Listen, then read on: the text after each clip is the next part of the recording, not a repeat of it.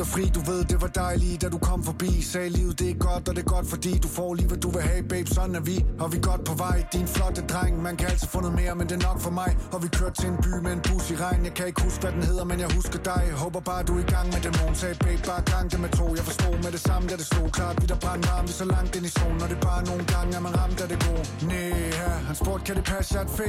Ja, ha' det godt knæk, lille sød ven med et glaldet kompleks. Jeg hygger mig, kan du komme væk? Vi kommer nu. Okay, hold min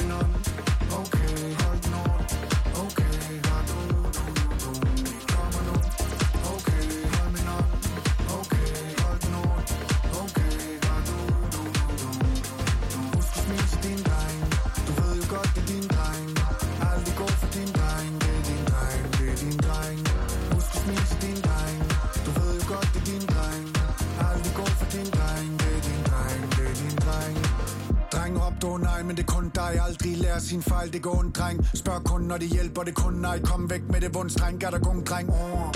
Huspsykologen sagde Det er ikke en karriere, det er en kokage Stor drink i min pokal Begge kender strak to flag, dreng, god dag. Oh.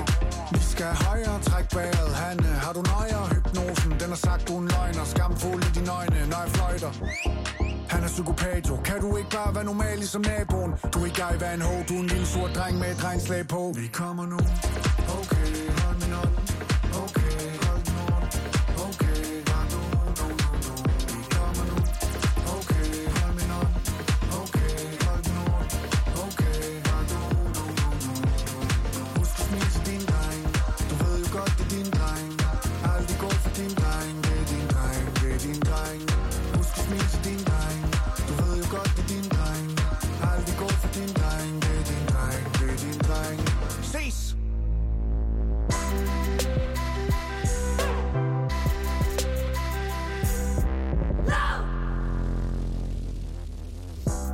her, det er Frekvens, og øh, det er mig, der er Benjamin Clemens. Og jeg står herinde i et radiostudie på Christianshavn sammen med Christian Lengs.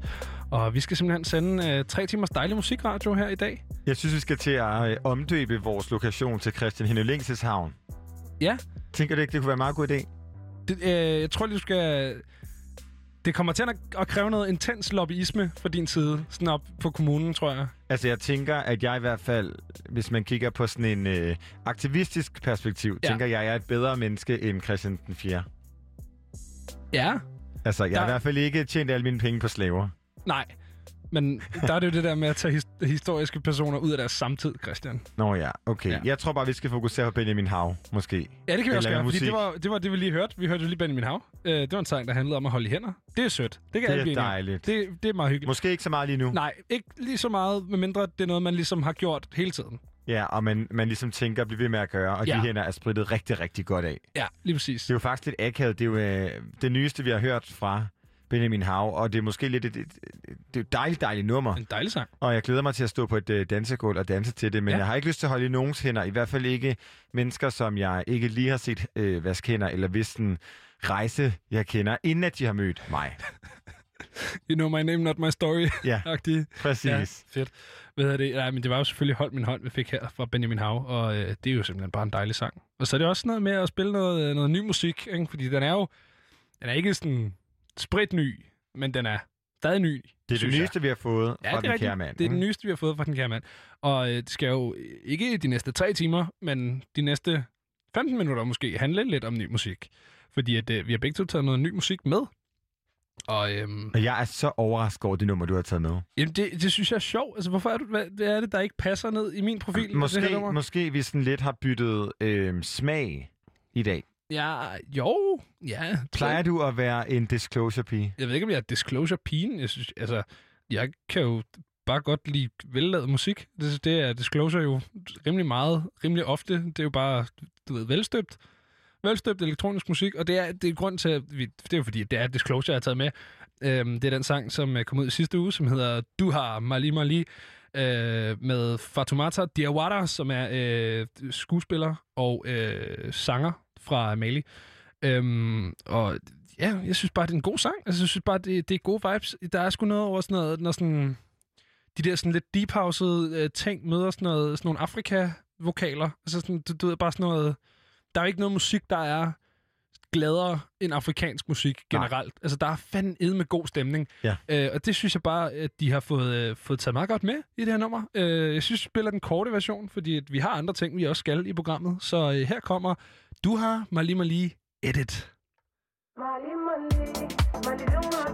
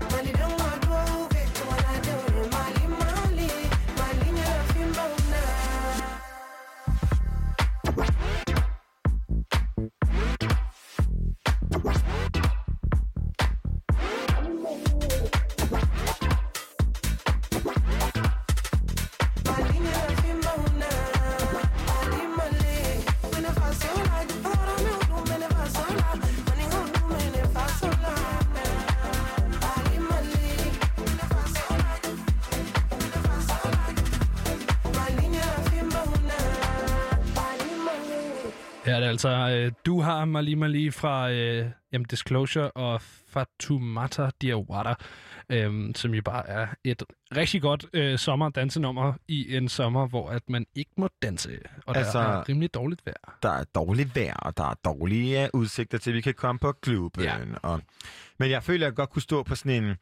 Øh, nu bor vi jo begge to i København, Ja, og der er et sted, der hedder Kajakbar, som Ja. har sådan en dejlig, nærmest en ponton med sand ude i vandet. Ja. Øh, der kunne jeg godt stå mig selv og stå og danse til det her nummer. Ja.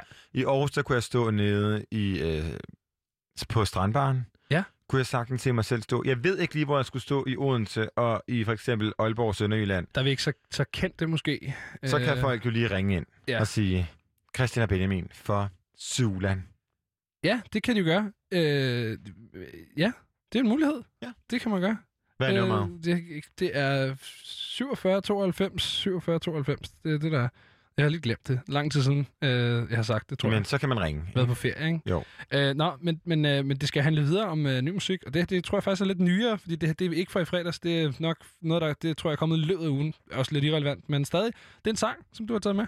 Ja, og øh, det er jo en sang, som man på en eller anden måde kan sige, nu startede jeg med at sige, at vi to har byttet smag øh, med de her nye numre. Det har vi jo ikke rigtigt, men øh, Nej, her... jeg har bare taget noget med, som alle kan lide herinde. Ja, og øh, det nummer, som vi skal høre, som jeg har taget med, er lidt en kombi af noget, jeg elsker, og noget, som du elsker. Det er nemlig det nummer, der hedder Small Town Boys, oprindeligt kommer af sådan et øhm, new wave postpunk fra 84, som er genindspillet af Orwell Peck, Ja. som du elsker. Det er oprindeligt et nummer af Bronski Beat.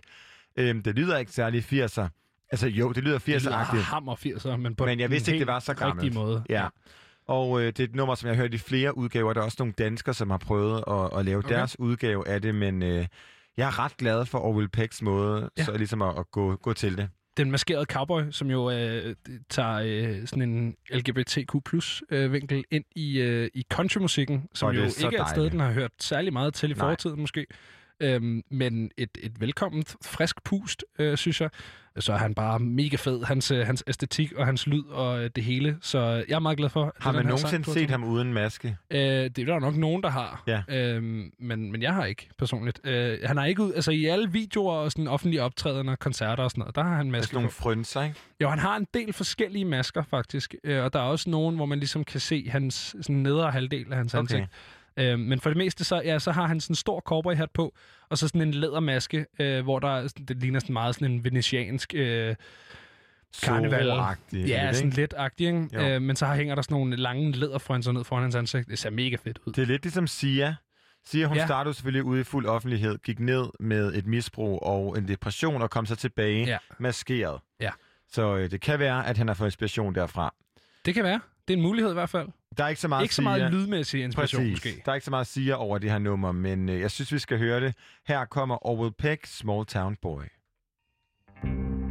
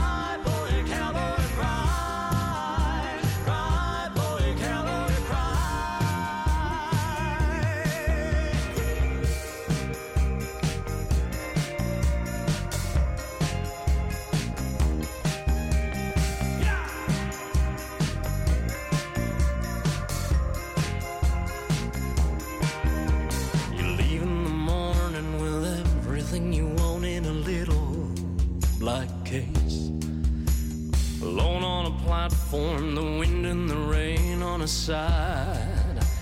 Lonely fate.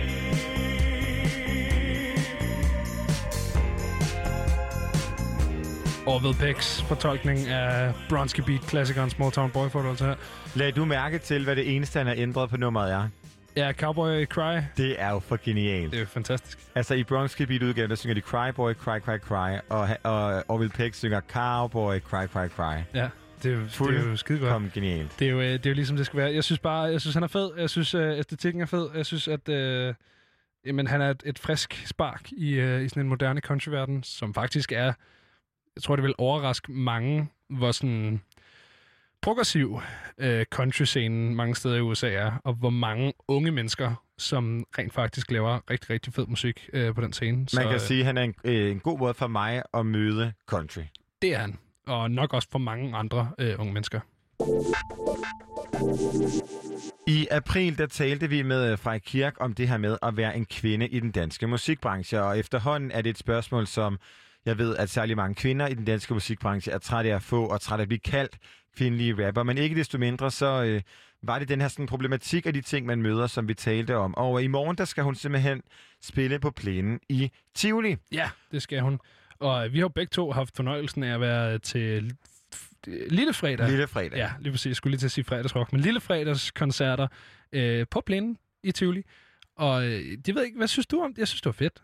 Altså, jeg er jo, øh, jeg er jo fra Jylland, men min mormor bor i København, jeg bor inde i Goddersgade, Ja. og har gjort det hele mit liv. Så jeg har haft Tivoli årskort og også wildcard igennem alle de 26 år, jeg har levet. Så Okay. jeg har nemmest, altså, jeg har en lang, lang, lang øh, sådan historik med koncerter i Tivoli, og særligt de Ja. her fredagsrock-koncerter. Jeg har faktisk aldrig benyttet mig af det, der hedder Lille Fredag, som ligger om torsdagen og er mere upcoming. Ja. Øhm, Men det er også et nyere koncept, ja, det ikke? Altså, det er måske inden for de sidste sådan, to-tre år Ja, det føler jeg også. Hvor at Øhm. øh, fredagsrock går jo langt, langt tilbage. Ja. Øh, og fredagsrock plejer at ligge på en mindre scene, men fordi... Nej, lille fredag plejer at ligge på en mindre scene, men fordi fredagsrock ikke er der, er det rykket op på plænen. Ja, plus at kapaciteten jo er gået ned betydeligt, fordi at man skal sidde med afstand og alt det her corona ikke? Så, så og man skal jo netop sidde. Man skal netop sidde, ja. Men plænen er endt med at blive en ret passende lille fredags øh, kon- koncertscene, whatever, fordi at der jo netop er, er plads til, ja. At man kan have et okay stort siddende publikum, ikke? Jo, og øh, Becca og jeg, vores medvært, var Ja. derinde og høre Joyce, og du var inde og høre Max. Jeg var inde og høre Max, ja. Hvilket er, det er jo, i hvert fald mellem os to, der er det en, en sjov fordeling at sende mig til Max og, øh, og dig Ja. til Joyce. Øh, men altså, jeg ved det ikke. Jeg synes, jeg synes det var fedt. Hun havde sådan lidt, øh, sådan lidt øh, sparsomt øh, liveband med, og der var nogle fede ting. Der var noget øh, live bass på en af sangene, som fungerede rigtig godt. Jeg tror, det var All I Hear. Øh, jeg havde min kæreste med derinde. Øh, så ja, så, ja, så var det jo bare hyggeligt at være til koncert igen. Jeg kunne. Ja. desværre ikke få en øh, plads, så jeg kunne ikke øh, sidde. Så jeg stod ude for, øh, for sådan en øh, afspærring der, ikke? Ja. Øh, så man ikke kunne komme ind. Og det, det, det skulle ligesom sørge for, at der ikke var for mange mennesker foran scenen. Ja. Men Fik I øh, plads? Var I, var I vi, sidde? øh, vi nåede ikke at sidde, vi stod op, men så kom til gengæld komme ret tæt på scenen, da Ja. vi var inde og høre Joyce. Og øh, det er jo simpelthen øh, Frej Kirk, som skal spille i morgen. Og øh, Benjamin, jeg kunne godt tænke mig at, øh, at spørge dig, sådan, altså, hvordan synes du for det første, det er at være til koncert siddende? Og øh, hvordan synes du, altså, hvad skal der til for, at de her koncerter kan lykkes på allerbedste vis? Ja, det ved jeg sgu ikke. Altså, øh, jeg er jo snart bare der, hvor at hvis der er en koncert, så synes jeg, det er lykkedes allerede, ikke? Jo. Øhm, det ved jeg ikke. Altså, jeg synes, Max, det er jo dels grædemusik, men også dansemusik rigtig meget, ikke? Øhm, og jeg synes, i forhold til omstændighederne, så synes jeg, at koncerten gik fint. Altså afvikkelsen, jeg nævnte også det der med folk, det lykkedes folk at sidde ned og danse, sådan, du ved, have røven plantet, men alt andet i bevægelse, ikke? Jo. Sådan sidde og rocke lidt med og sidde og synge, og man kan jo sagtens øh, lægge armen om dem, man er kommet med, og så sidde og holde singalong og øh, ja, have de der små interne fester, ikke?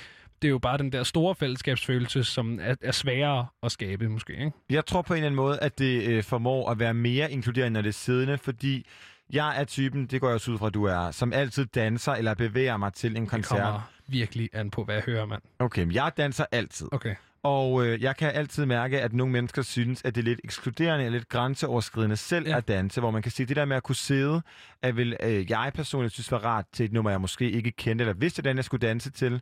Øh, men ellers, så hvis jeg ikke var en danser, det der med, at man kan sidde og nyde det på sin helt egen, sådan utroligt øh, behagelige vis. Og øh, jeg kan bare mærke, at jeg tror, at sådan, den der koncertmåde, som det her det er, er jeg ret glad for, fordi det giver en mulighed for, at man kan øh, også tage nogle mennesker med, som måske ikke havde lyst til at stå til en Joyce-koncert og moshe.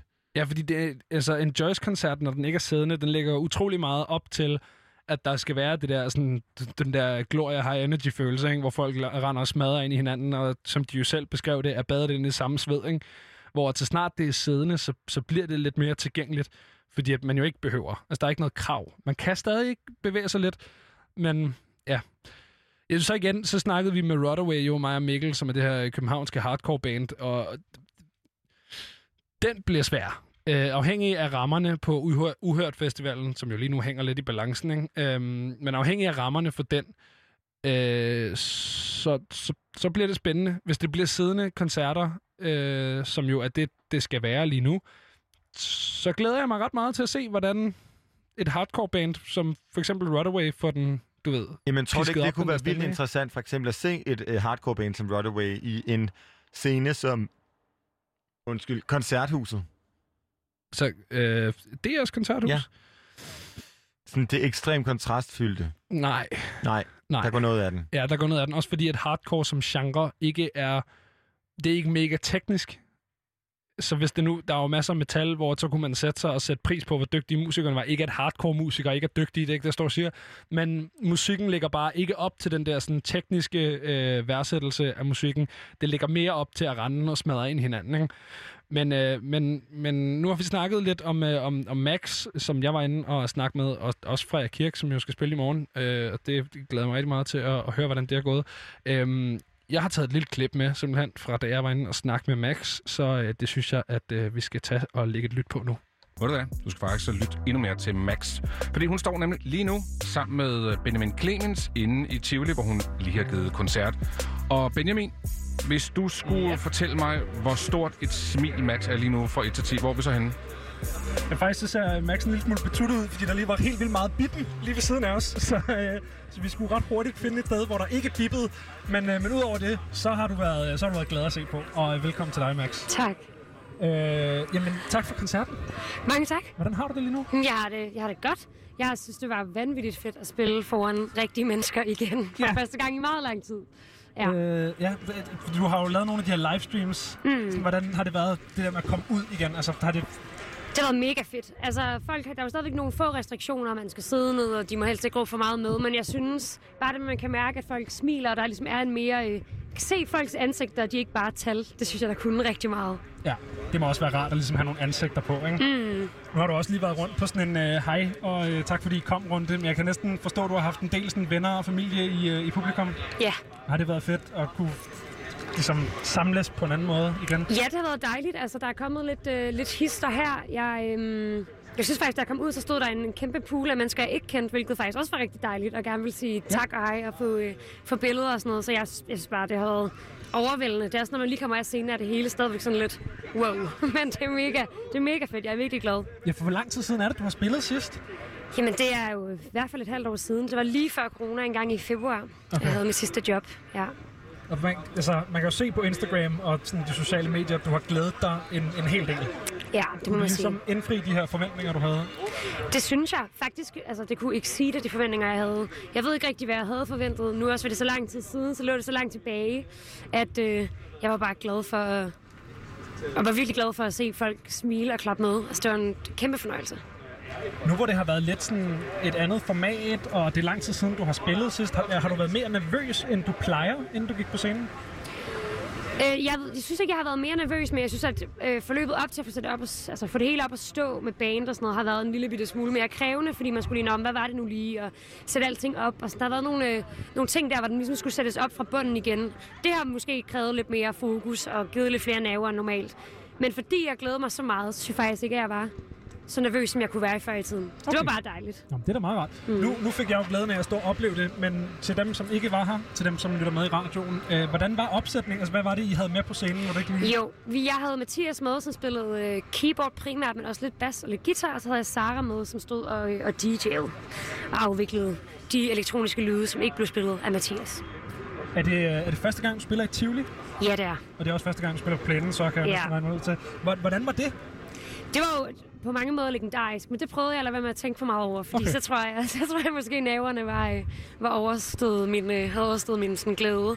Men øh, det, var jo, det er jo ikonisk, og det er mega fantastisk, og jeg også kunne mærke, når man har sagt til folk, skal spille i Tivoli inde på plænen, så har det ligesom været sådan, wow, wow, crazy. Så det var, ja, det var mega fedt. Får man, øh, får man turpas og, og alt muligt lækkert, når man spiller i haven? Jeg er usikker. Jeg har fået et armbånd, som har en farve, som sikkert kan alt muligt, men øh, jeg har ikke lige øh, været rundt og prøve at se, om jeg kunne, øh, Okay, kunne køre i fødsels... Det, hvis jeg kan det, så ved jeg i hvert fald, hvad jeg skal efter det her. så skal du ud og køre rundt. Ja, det skal jeg. Okay, jamen, det er godt. Hvad hedder det? Øh, Udover at det er første gang, du er øh, på plænen i Tivoli, så er der også noget andet, øh, som er sket for første gang i dag. Vil du ikke Ja. lige ja. den historie? Det er der. Det er jo faktisk rigtig stort for mig. Jeg har i dag givet min første øh, autograf, faktisk af fire, for den gang skal være til de samme, Sindssygt. øh, til de samme to mennesker. Det var et øh, par på 65, der stoppede mig på vej til lydprøve, hvor jeg først tænkte, når nogen siger hey, så tænker man, det er ikke til mig. Og så fandt jeg ud af, at det var til mig, og så sagde de, må vi få en autograf. Og øhm, så havde de nogle små autografbøger med, og nogle notepapirer, og så gav jeg den autograf, jeg ikke vidste, jeg kunne give. Jeg har aldrig givet en før, jeg har ikke øvet mig så meget, så det var Okay. bare skrive Max på den mest, den flotteste måde, jeg kunne komme i tanke om. Okay. Var du tilfreds med, med måden, din første autograf Det synes jeg, men det var, også, en- det var deres fortjeneste. Det var deres glæde, der simpelthen gjorde, at jeg følte, det var godt nok, det Okay. jeg havde præsteret. Ja. Jeg, jeg bider mærke i, at du siger, det er to mennesker, der skal have fire autografer. Ja. Hvordan hænger det sammen? Jeg spurgte ikke ind, jeg synes bare, de skulle have... Øh, altså, der var, de kunne få så mange, de ville have nærmest. Men de bad Men, fire? Ja, det gjorde de. Men det er fordi, de havde både en bog, og så havde de også nogle, øh, nogle kort. Og her, øh, okay. der har jeg bygget en historie op i mit hoved om, at det måske er nogen, der kommer... Det lyder som om, de kom fra, hvor jeg også gør, Jylland. Ja. Og så ligesom er på tur, og så har de måske nogle børnebørn, eller et eller andet, som så ligesom skulle have de her autografer. Ah, og det kunne være, er der var mere end to. Øhm, det er ikke rigtig empiri, men det er noget, en historie, som man selv har, øh, har opfundet for at få det til at give lidt mere mening. Det hele. Giv, det et par år, så har du glemt, det er noget, du har opdaget, så bliver det... Ja, så bliver det historien. Præcis. Ja. Men det er også en god historie, så det, det, det synes jeg egentlig øh, passer meget godt. Hvad hedder det? Øh, Mikkel? Ja da. Ja, Mikkel. Hvad, hvad siger du til at, at tage et stykke musik med Max, inden vi lige snakker lidt videre herinde? Altså, jeg synes jo, at det, det er måske verdens bedste idé. Jamen, så synes jeg, vi skal høre All I Hear. Skal vi ikke det? Den Nej, det er I hørt. Cried With Rave. Det er mig, der, det, det er Ja, mig, det- der sover så det var meget. Så mange meget. gode. Ja, der, er, så mange gode, det er rigtigt. Ja. Øh, jeg styrer knapperne herinde, så jeg ved lige præcis, hvad vi skal høre. Og øh, med os, eller med mig, inde fra Tivoli A, der står Benjamin og Max lidt endnu. Ja, det gør vi nemlig. Og uh, I Credit The Rave, som du lige fik her, det var jo som sagt en af de numre, du lige har spillet. Og som du lige har spillet, Max, for et uh, siddende publikum. Ja, Hvordan var det at spille for et siddende publikum? det var godt. Det var dejligt. Det synes jeg, fordi det var et publikum. Jeg vil helst at de stod op, men det måtte de jo ikke. Så det var også... Jeg tror, man ved jo, at de er blevet bedt om at sidde ned, så det er jo ikke, fordi de ikke har lyst til at stille sig op og danse. Nej. Det er jo en, øh, en sikkerhedsmæssig foranstaltning. Så med det i mente, synes jeg bare, at det var, altså, det var mega fedt. Og man kan faktisk bevæge sig ret meget, mens man sidder nede, fandt jeg ud af. Ja, fordi i al retfærdighed, så sad folk jo og dansede Ja, så ja. meget, de nu lige kunne. Ja. ja. Øh, er det noget, du har prøvet før, det her med at ligesom spille for et siddende publikum, eller har det mest været... Jeg har prøvet det med et siddende publikum, og det, det, var, det var også rigtig fedt. Det var... Øh, hvornår var det? Det var faktisk også lige før corona, den, sådan, det jeg lige kommer i tanke om nu. Det var inde i Nørrebro Teater. Ja. Ja. spillede jeg øh, en fredag. Og øh, spillede med et band, spillede også akustisk. Det var lidt kortere, men der sad folk ligesom også ned, som man ville gøre ja, i en almindelig teatersal. Det var også rigtig magisk, men jeg tror også, fordi det var inden for en teatersal, så var ja. Det måske lidt noget andet. Her, jeg har været til koncerter på plænen før, og har jo set, hvordan det kan stå til, hvis man, hvis man må øh, give den gas. Så derfor kunne jeg selvfølgelig godt tænke, at det havde måske været lidt fedt, hvis folk kunne have danset, men ja. jeg synes, at alle gjorde deres for ligesom at danse så meget, de kunne, nu hvor de skulle sidde ned. Nu har alle gjort deres, men har du gjort noget sådan anderledes i forhold til at spille for et uh, siddende publikum? Er der ligesom noget, du gør på scenen, eller ikke gør, som er anderledes fra mm. siddende til stående? Nej, jeg tror faktisk, jeg gav den, øh, gav den lige så meget gas. Jeg prøvede i hvert fald, fordi at, øh, det kan jeg godt lide, når folk selv gør. Jeg tror, det er, jeg tror, det er Madonna, der engang har sagt, man skal spille et stadion, som om man spiller på en divebar, og spille en divebar, som om man spiller på et stadion. Ja. Så jeg plejer altid bare at beslutte mig for, at gå sådan, så hvis folk så slapper lidt af, så må man give den ekstra gas. Ja. For ligesom at give den energi, man ikke får. Så jeg tror bare, øh, som jeg siger, jeg spiller en akustisk sang. Det gør jeg primært, hvis jeg føler, der er, er setting for det. Det fungerede ekstra godt, hvor folk sad ned og rigtig lyttede med nu. Så det var en sand fornøjelse. Jamen, øh, så ved jeg ikke, om vi har så meget mere til dig, Max. Så vil jeg sige øh, held og lykke med dit, øh, dit, dit spændende armbånd. og, øh, Jo, og tak. prøv at se, om det kan komme ind. Hvad for en, øh, hvad for en rutsjebane skal du prøve først, hvis det virker? Tårnet. Det gyldne tårn, Det gyldne tårn. Ja. Jeg har jo den fantastiske undskyldning, tårnet, at jeg er øh, for høj til det gyldne tårn, så jeg må simpelthen ikke... Øh, Nej. så jeg, jeg kan, Men jeg kan se her til venstre, at min product manager står og smiler og tænker, ja. hun skal med. hun laver en, en armbevægelse hen over hendes hals, som betyder nej. Men må ikke, man kunne sweet talke lidt. Prøv det. Jamen, øh, så tror jeg, det er tilbage til dig, Mikkel.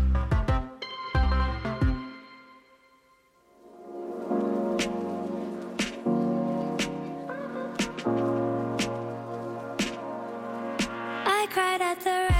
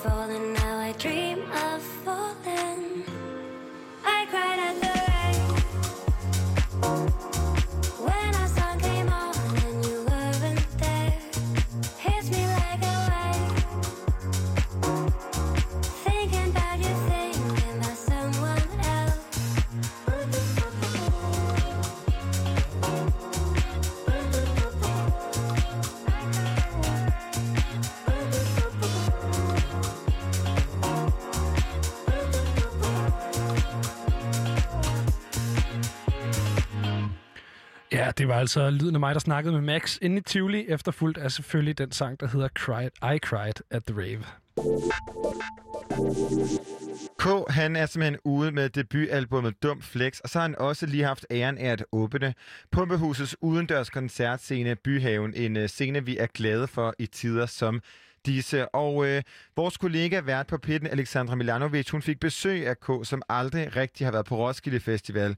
Og på trods af det, så har han simpelthen en drømmesætliste til den her festival. Det byder på et minimalt setup og gæsteoptrædende med Tobias Rahim, der kommer ind på scenen i en helikopter, og Emil Kruse, som kører ind på et løbehjul. Og øh, så ligger K simpelthen op til tidernes fest på den ikoniske orange scene. Lyt med.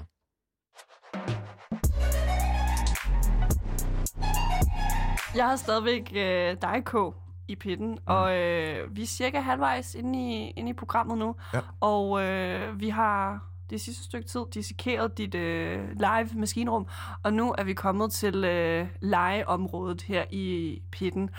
Det, der kommer til at ske nu, det er, at du skal tegne din drømmesætliste. Og øh, for lige at give et recap af, hvad der skete de øh, sidste par udsendelser. Ja.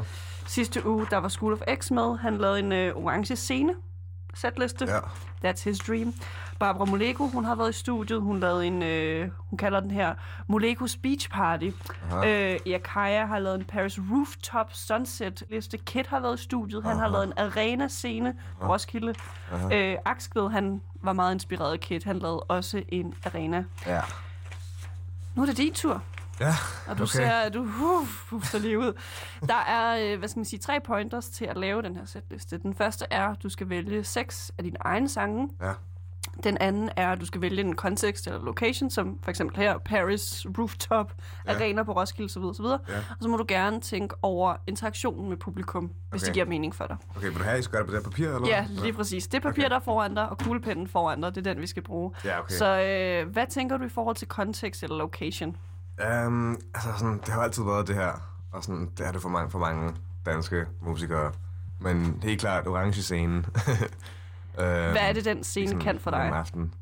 Hvis jeg skal være helt ærlig, så sådan, ved jeg bare, at det er en fucking stor scene, og det er sådan, det er den mest sådan, kendte scene.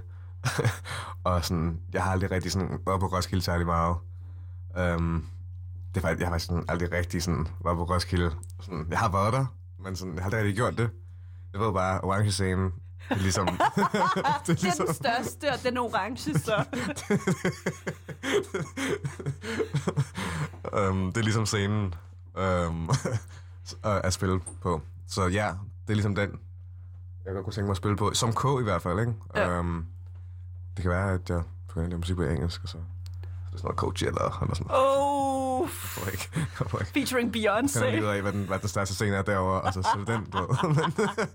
Men, lad os, lad os give... men sådan en Øh, orange scene om aftenen, der er sådan, uh. ja, lad, lad os give det titlen Orange Scene, måske kan du sætte tidspunktet på, du gerne vil øh, optræde. Ja, orange scene. Hvad tid tænker du øh, er optræde? Hvornår, hvornår er det godt? Er det sådan lige, lige efter det bliver mørkt, eller hvad? Klokken 10, eller hvad? Er det, sådan, er det der, det sådan er sindssygt? Altså, vil du gerne have, at det skal være lyst, eller skal, det være, skal du have noget lysshow ind over os? Det må gerne være mørkt, mand. Det må gerne være 100% mørkt, og så har jeg sådan store visuals bagved. Du ved, det er kun mig på scenen. Du ved, ikke, nogen, ikke, engang, ikke engang en DJ. Ikke nogen backup-danser, Nej, ikke nej, nej, noget? nej. Fucking sygeste sådan fucking visuals, og måske laver vi også et eller andet sygt på scenen, hvor jeg sådan, en sofa eventuelt, hvor jeg lige kan sådan der, lægge mig på et tidspunkt. Eller et Meget. Brockhampton-agtigt. Du ved, ja, nå, det, det kender det ikke. Men, øhm, men et eller andet bare sådan, så at jeg sådan lidt kan lege med scenen, du ved, ikke? Og gøre det sådan lidt en, lidt en, en eller anden form for legeplads med fucking fede visuals. Det tror jeg kunne være fucking fedt. Um, ja, og så er det mørkt selvfølgelig, ikke? Så de her visuals, så er det sådan, der er bare sådan brrr, store visual, man bare kan se på. Um, og så er det kød og sådan, det er fucking sygt. Og, ja. Der tænker jeg måske midnat. Det kunne måske fungere ret godt. 100 mand, 100 p, 100 p. Skal, skal vi have det der klokke, klokkeslæt på, på listen? Skal, prøv at sætte øh, klokkeslættet på os. Ja, okay. Yeah. Okay, hvad, hvad tænker du, øh, hvad er det for et K-nummer, der åbner den her sætliste? Åh, oh, fuck, man. Jeg, jeg har jo ikke, altså... jeg, er jo ikke, jeg er jo ikke klar endnu, jo. Med de her, med... med ja, men det ved jeg ikke. Okay. Det skal, jo, det, skal jo, det skal jo starte ret sygt et eller andet sted. Okay, hvis det bare, ja, hvis det bare med det musik, jeg har lige nu, ja, så skal du, altså... Komme igennem, kunne være den første. Mm, det må du gerne øh, for- skrive på listen. Vi tager, vi, tager, vi tager endnu en. Fordi det brager, og det er vigtigt. For det kan jeg godt lide at gøre. Jeg kan godt lide at starte med et brag og ende med et brag. Vi tager endnu en. Endnu en, ja. Og nummer to. Men lige. Okay, nummer to, det skal så være kommet igennem. Så kan vi godt lige tage det ned og lige... Seks numre, det er ikke særlig meget. Nej, Til orange scenen. det er jo det. Mm. Jeg har, jeg har fået øh, klager fra mine øh, tidligere gæster. Jeg, jeg ved godt, øh, det er problematisk med udelukkende seks Ja. sange, men øh, ellers ville det- den her udsendelse være 10 timer lang. Ja, men det er også, det er også griner nok med seks gange, fordi så er det sådan, så kan man sige sådan, så er det bare alt hitsene agtigt. Så versen her skal måske ind i det her shit, så, fordi der er folk, der måske kender den. Kom igennem, så det føles godt. og så, og så, Nu, nu er vi nede ved fjerde sang. nu er vi på fjerde, ja. Er der, er der noget interaktion med publikum, der sådan skal ske her midt i sættet, eller hvad tænker du over det? Um, der, sker noget, der sker noget interaktion hele tiden her, tror jeg. Hvert Sig nummer næsten. wow, eller? Alt muligt, mand. Fucking, Okay. altså sådan, det er fucking orange scene, det her. Og sådan, klokken er 00, og sådan, fuck er helt væk. Og sådan, det er det sygeste nogensinde. Jeg ved ikke engang selv, hvad der kommer til at ske her. Du går bare ud på scenen, og what, what happens, happens. ja. Så fjerde sang, hvad skal der på den? Øhm, så tager vi klar. Nummer 5. Ja, måske nummer 5 versen her, så... Ah, ja, ja, ja. Så trækker jeg bare versen her, hvorfor ikke? Og så nummer 6. Slutter vi af med pengedans. Og den spiller vi ret mange gange. 10 hour version. Det bliver sådan en... Det bliver sådan pull up. Brrr, Og så bare igen, og så up, brrr, og igen. Og så lad mig her sige, wow! Og så sådan, skal vi rulle den en gang til? Ah! Og så gør vi det igen. Og det fortsætter vi i lang tid med. Men Køv, nu har, nu har du lavet den her øh, drømmesætliste. Lad os lige tage den øh, fra toppen af. Hvad indebærer den her drømmesætliste på orange scene? Jamen, øh, nummer et, øh, endnu en. Øh, nummer to, kom igennem. Nummer tre, føles godt. Nummer fire, klar. Med Tobias Rahim. Føles godt med, med, med, med Mikros. Nummer fem, versen her. Og nummer seks, pengedans. Hvad tænker du i forhold til øh, featurings? De skal vel også komme med på scenen, eller hvad? Ja, ja, ja. ja. Hvad skal de lave? Det er ikke. Spille. Men, d- men der kommer ikke til at være nogen gimmick der, sådan de, de øh, kommer flyvende ind på Man scenen. kunne finde på eller? alt muligt der. Øhm, altså, jeg ved, at øh, med Tobias, så skal vi nok finde på et eller andet helt sygt. Med, han, med den hjerne, han har. Og øhm, ja, jeg ved, jeg ved ikke lige... Jamen, hvad, hvad kan man gøre? Der er mange ting, man kan gøre. Hmm. Altså off the bat, hvad, hvad vil han selv, altså øh, Tobias Rahim, hvad vil han selv sige sådan, jeg skal komme ind sådan her, eller jeg skal gøre det her? Oh, det vil måske, måske, det, kunne være, det, kunne- det vil være et eller andet sådan, sådan grineren med ham sikkert. Øh, måske sådan lige pludselig så sådan, så, sådan, så, så ringer jeg til ham eller sådan noget. Du, du, du, du, hallo? Og så sådan lige stået op, sådan Tobias Rahim, sådan, åh, hvad så, hvad så går, mand? Um, så er jeg sådan, jo, øh, hvor, hvor er du henne? Sådan, vi skal spille, vi skal spille, klar, nu. Jeg står her på orange scene. Hvad så? og så sådan, åh, oh, damn, og sådan, åh oh, ja, fuck, okay. Og så selvfølgelig chopper, ikke? Chopper, helikopter, så kommer en du, du, du, du, sele og det hele, du ved, fordi jeg skal nå det, ikke? Så der er sådan en chopper, Uber, Uber chopper, så kommer han flyvende ind, og så bare, ja, er klar, du ved, der bare, fuck, ja. ja. Ej. Hvad, hvad med, hvad med øh, Emil Kruse? Altså her i studiet er det jo dig, der kender dem bedst. Hvad, hvad vil han øh, finde på at gøjlede ting? Fuck, jeg ved, jeg ved sgu ikke, mand. Det, det, det er totalt svært. Jeg ved ikke lige sådan... Emil, han kunne godt finde på at komme ind på en eller anden helt sjov griner måde. Sådan på en hest, eller? Ah, Et eller andet sådan... På en kn... Ej, nej, jeg vil sige knallert. nej. Øh, sådan en sej bil måske, eller... Wow, ja, så han bare kom ind sådan på hans værelse i sådan en syg bil, sådan op på scenen, sådan, god damn, det er hårdt. Um, men han kunne også bare finde, finde på at komme ind på en eller anden helt sjov, grineren måde, sådan... Jeg føler Segway-tingen, det er sådan lidt banal nu, men sådan... Noget af det måske kunne jeg godt finde på. Løbehjul, måske, det kunne være hårdt. Ja, ja, ja, med Mike, eller sådan, så havde han sådan, åh, så han havde sådan Mike'en, så sådan den der på, på, øhm, På siden af kinden. på siden af kinden der, med løbehjul der. Fuck, det var legendarisk. Kan vi please få den koncert til at ske?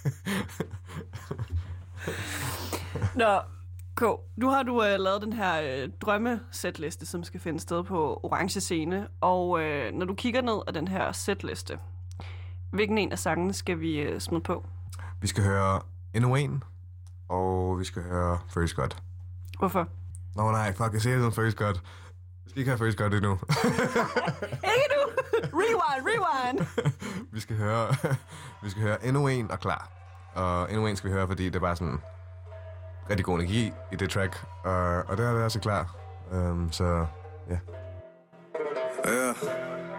Vi har været her før, vi ikke blive her længe Søgt noget større, men jeg fandt ingenting Hvem sagde hvad, det jeg sagde var ment Jeg vil egentlig ikke hænge, nej, det er det for nemt Det er det ikke for mig, vi ikke have forspil Korten på bord, så jeg går all in Har ikke brug for energi, brug for en sovepille Med mig tage en tog til, gør det til en sportting Bror, man er Sony han har sovet længe, vil ikke høre nogen forslag Endnu en til den her, han grov Så jeg lægger arbejde hver dag, en hård dag jeg var bare op af, vandet, grå dag Har jeg set nok af, lad mos med vennerne Vi kan være stolt af, klubben går hele vejen op på en torsdag.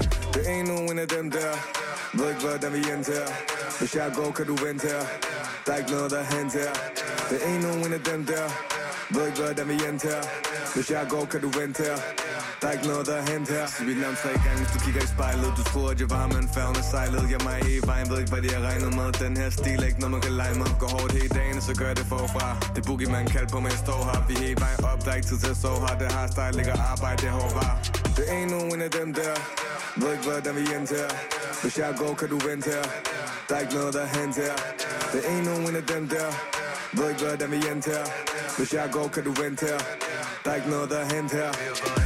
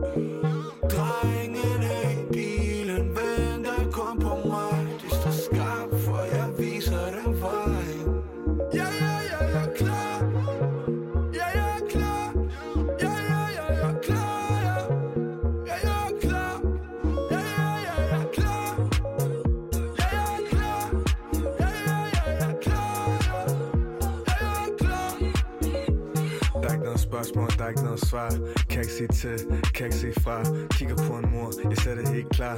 Jeg går op, og det er sommer fra start. Gider ikke drama, jeg brug for lidt plads. De kigger på mig, og de kan ikke putte mig i en kasse Jeg prøver at holde fast, jeg prøver ikke at stress. Jeg tager det, som det kommer, så jeg har det helt tilpas. Yeah. Sig mig, hvor vi handler med vind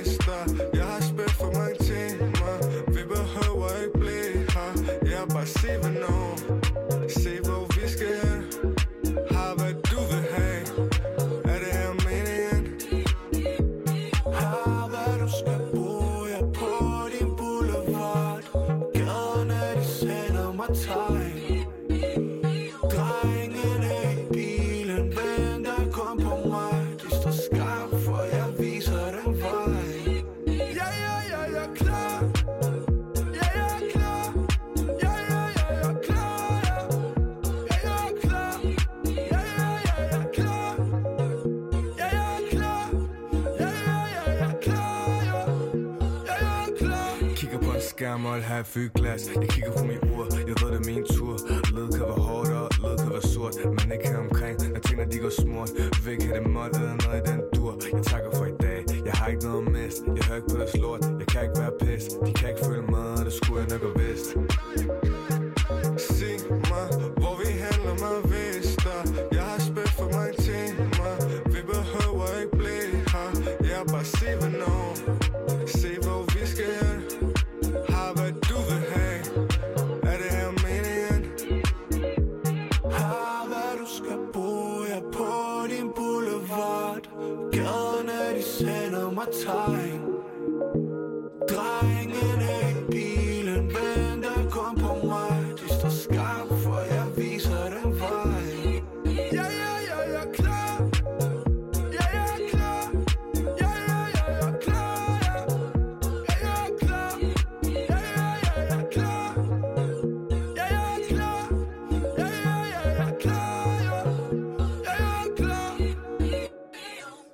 Fik du altså både endnu en og klar fra et, øh, hvad skal man kalde ham, en stjerne på den nye danske øh, hip-hop-scene, nemlig K, som staves K-O, hvis du ind og høre det der, hvor at du streamer.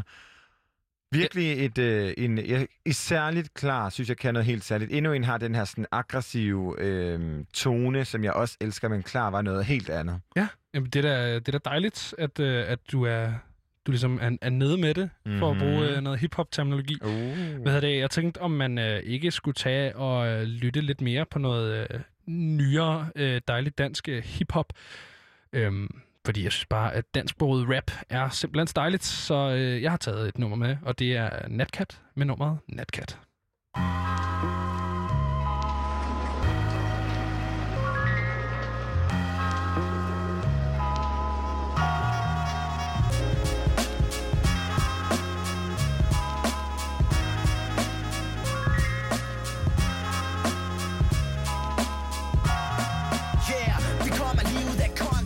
Fornuftig maskine byen driver. De dage de unge lever for er grunden til jeg skriver. Piver du eller spørger du også dig selv?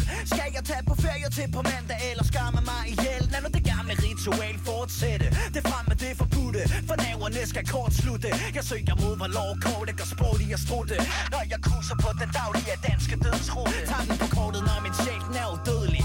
Hele skammen flimrer når jeg smager på mine fingre. De ser mig jazze ned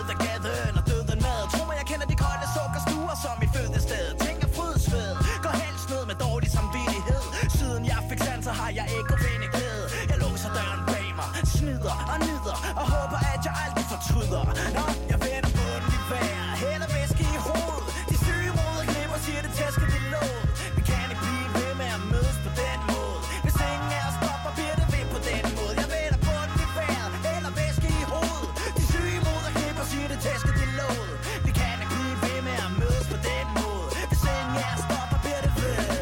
Jo, nat bliver til morgen, det er porno for mine næver Kører steder, shopper gaver, selvom jeg haver Solopgangen smider lys på handlen for min store trang. Lad mig smage en smule, ind, vi rammer hulen Der hvor jeg slinger ind og ud af ting, der ikke eksisterer.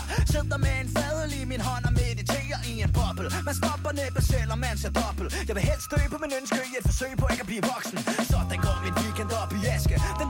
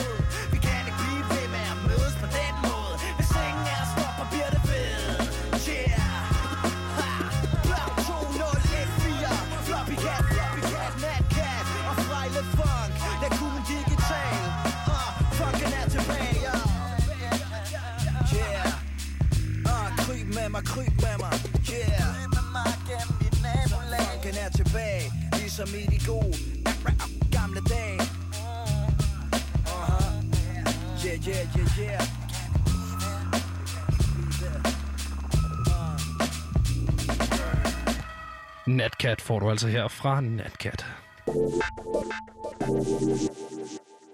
Vi er øh, så småt ved at øh, være nået dertil, hvor det er ved at være tid til nyhederne, men øh, bliv endelig hængende, fordi at jeg synes, vi har noget, øh, noget dejligt øh, indhold Vi skal her. både øh, snakke om Smukfest, som jo skulle have startet lige præcis i dag, Ja. og vi skal snakke om Kit, ingen ringer en Kit, og så skal vi snakke om, du har taget noget med, du skal fortælle mig om Neil Young og Trump, som jeg er meget forvirret omkring. Det er nemlig rigtigt, men øh, før det, så er det jo, som jeg sagde lige før, blevet tid til nyhederne, og det er det, fordi klokken den er 19.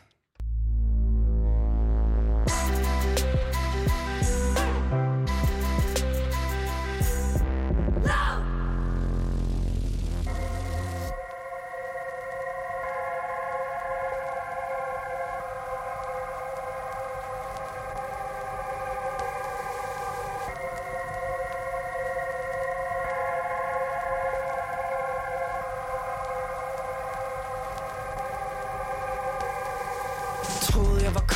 var kommet for sent kan ikke klokken, jeg ikke forstod Hvad de voksne de mente Med det hoved mellem benene Og din hal mellem din Ved ikke hvad jeg skal mene. Har vi et fucking problem? Og så snakker de om Gud, pik og loyalitet. De som et public scene. For dit hold til at ligne en fjollet idé. Ud at virke snobbet, det er så flot på en scene. Ud fra måden som du tager du tør du godt være alene. Bare husk lugten af sved i håndflader. Adskillige håndmad. Og vækket en tanke om at have fat i noget. Hiver timen aflang på en nat i tog du, du virker bange, nu er den dag det gået. Intet har kostet mig alt. Har hørt min barndom var frihed Det er det de voksne fortalte mig. Stadig låst til en VHS Ikke noget stress. En dag falder ting på plads. Jeg griner stadig når de nævner lys og fejl. Knævrene igennem vidne forklaringer. De minutter du kvæler op imod tiden Du har i dig er i strid Som et antikvariat af uvidenhed. For tiden er frem. Kan jeg huske jeg vil ligne nogen Nu ligner jeg ham. Du er levet med døden dengang vi troede vi lød Det er nu vi fejrer. Ikke at gå den i møde for evigt. Ubesejret. Jeg tager ikke telefon Bare læg dig og Jeg er på autopilot. Tager den hele vejen hjem. Hele vejen hjem. Vi har en situation. Det vil dø mig igen. Som om den rammer mig nu. Det her føles som hjem. Det her føles som hjem. Det her føles som hjem. Jeg er i knæene som et frieri. Tiden den går hurtigt, føler jeg er tidligt fri. De her træer skifter farver omkring mig, hvad sker der? Jeg har det som om drømmene manifesterer sig.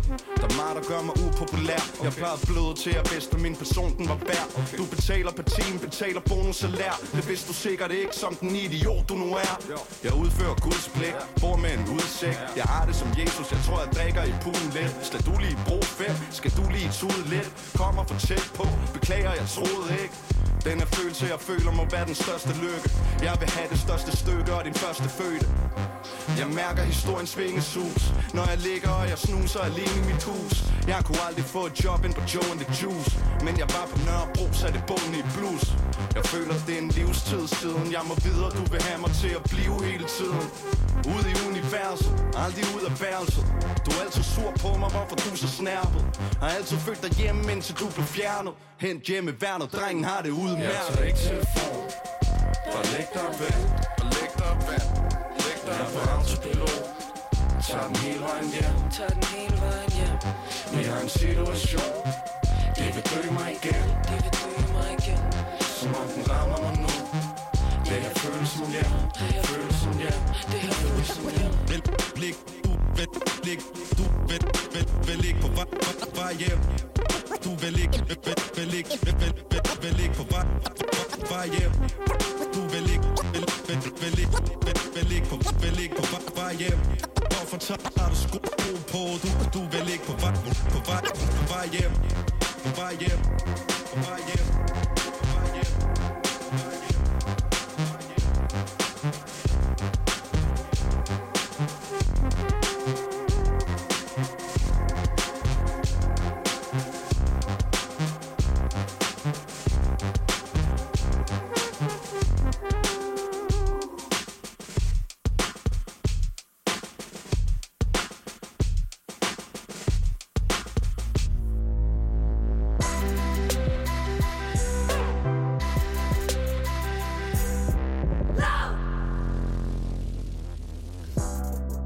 Frekvens. Mit navn, det er Benjamin Clemens, så jeg står i studiet i dag med Christian Henne Længs.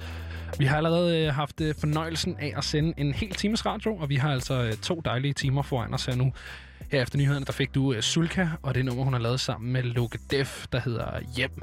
Og øh, hvis du er kæmpe Sulka-fan, så kan du se hende øh, i det, der hedder Grape Out Loud, vores øh, koncept sammen med Grapehouse Studios og øh, Plugout Festivalen. Præcis. På ja. vores Instagram TV. Du kunne også have set det på YouTube, men øh, der er jo lidt palaver der med Ja, Koda og Kan YouTube. det ikke? ligger der nok ikke mere, nej. Nej. Øhm, men, Man men kan det også se dig interview hende. Man kan også, det kan man sikkert stadig. Det kan man. Alt andet vil undre mig. Men, øh, men man kan finde det på IGTV, altså den her øh, live optræden, at det mener jeg så godt nok, at det nummer, hun har lavet, der hedder Frikvarter, som, øh, som ligger der. Eller er det Nej, det er Sommerregn? sommerregn. Det er rigtigt, det er sommerregn, der ligger på vores Instagram.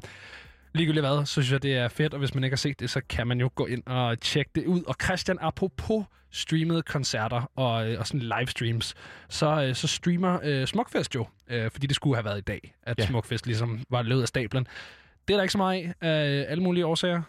Nok primært den ene der.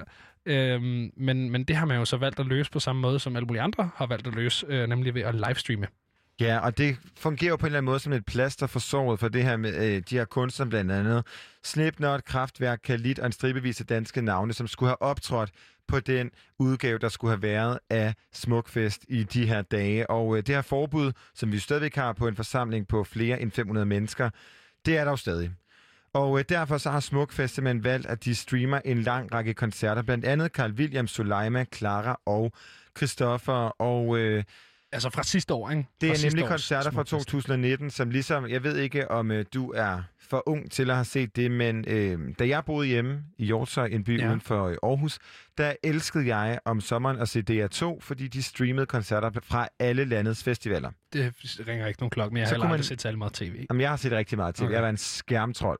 Men så Uha. kunne man ligge der med sin dyne, og så kunne man se Coldplay spille et eller andet sted, eller man kunne se Rihanna på Roskilde. Hyggeligt. Altså, virkelig, virkelig hyggeligt. Og det er jo en mulighed for, at nu du kan øh, genskabe det her. Og meget sådan koncertagtigt, så kommer øh, de her livestream ligesom bare på det tidspunkt, de er øh, om øh, cirka 50 minutter, eller 45 minutter, der kan man se Carl Williams øh, koncert på øh, smukfest.dk, og øh, det er simpelthen der, be there og be square, fordi når den ligesom er slut, den koncert, så er den livestream slut, og så kommer der noget andet. Ja. Tidligere i dag tunede du ind og så noget med en bartender. Ja, det var tidligt. Det har været sådan noget klokken et, halv, to stykker. Der var der en bartender, der stod og lavede en eller anden drink, hvor der stod drinks to the people. Um, så jeg tror, de livestreamer en masse sådan festivalstemning i virkeligheden, uh, hvor at om aftenen, der er jo selvfølgelig koncerterne, der ligesom er det mest prominente. Men, men ja, det var, det var en eller anden bartender, der stod og lavede noget med noget tonicvand. Har du tænkt dig at se nogle af de her koncerter? Altså det, jeg ved, at det startede med Macdes, og i går spillede Høger. Ja. Øhm, så det er ligesom fokuseret på de her danske kunstnere, hvilket jeg synes er ret ideelt i den her tid, hvor at særligt alle kunstnere lider af corona, men jo danskere er nemmest ja. At hjælpe ved at streame deres musik. Det er klart. Uh, man kan sige, i forhold til Carl William helt specifikt, så hvad sagde du det om 45 minutter? Jeg er på arbejde. Om Ja. ja. Fem, ja det, så der, der tror jeg ikke lige, at få set det. Men, øh, men jeg kan jo videre sende min anbefaling om at se det. Det, det kan jeg jo gøre. Det er jo ligesom, øh, ligesom den, den platform, vi er blevet givet. Øh, jeg ved ikke, altså det, det er et sjovt plaster på såret med Carl William øh, i stedet for Slipknot. Øh, Jeg ved ikke helt, hvor meget jeg havde lagt dem i samme, Men, samme men tror kategori. du, ej, man kan se, han, han stadig måske mere Khalid. Ja, det kan godt være. Øhm, Og der har været mange andre, ja. Øh, altså, hvor man kan sige, at det her øh, program i år har jo været unikt på sin måde. Men jeg kunne egentlig godt tænke mig at vide, i forhold til hvis nu, at Slipknot, som jeg så går ud fra, at du har en lille kærlighed til. Ja, Har dem det? kan jeg rigtig godt lide. Dem har jeg set live ved flere øh, Hvis I havde spillet i 2019, ja. Ja. og 2020 var, som det er i dag, og du havde mulighed for at se Slipknots 2019 livestream fra Smuk Festival, hvordan ville du så gøre, at omstændighederne var bedst muligt? øh, invitere nogle venner over, og så drikke mig usandsynligt fuld, tror jeg. Før, efter eller under? Før, og så ligesom holde den kørende under. Det er ligesom også sådan, jeg har oplevet Slipknot de gange, jeg har haft glæden af at se dem. Jeg har både set dem i Forum herinde i København, og så på Copenhagen Festivalen. Øhm, og begge gange har jeg været langt fra ædru, vil jeg sige.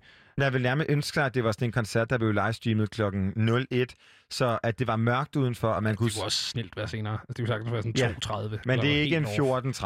Det er slet ikke en 14.30, nej. Det, det er slet ikke en 14.30. Så er, det, så er det mere end 2.30. Så vil jeg hellere se dem 12 timer senere, end Ja. jeg vil se dem klokken 14. Men det er, det er sgu et, øh, det er et godt liveband. Det, det må jeg bare sige. Øhm, jeg, jeg har, faktisk, jeg har også set Carl William live. Øh, det er et godt stykke tid siden ude på Papirøen, dengang der var noget, der hed det. Øh, meget lille koncertsetup. Han stod op på sådan Hvor henne på papirøen? indenfor sådan en lille bitte scene okay. op i Okay. det ene hjørne, Ja. og vi stod halvt udenfor og kunne sådan let se ham og sådan noget. Jeg, jeg kendte ikke musikken skide godt, men det er jo, øh, det er jo noget dejligt hyggelig musik. Der var en masse øh, piger, øh, jævnaldrende piger specielt, som, som var, var glade for at synge med. Så, så altså, han havde publikummet i sin hulehånd, øh, på trods af sådan en meget, meget sparsom lille øh, koncert og sådan noget. Det var hyggeligt.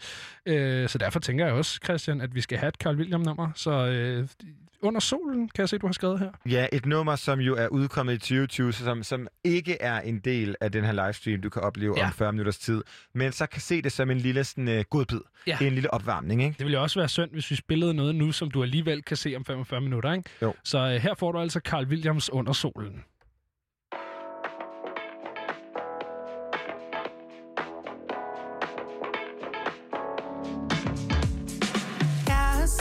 For noget unikt Gemt mig væk i skyggen af hver konflikt. Trådt forkert en smule for tit Indtil jeg kunne se det ikke sort og hvidt. For jeg har det bedst, når jeg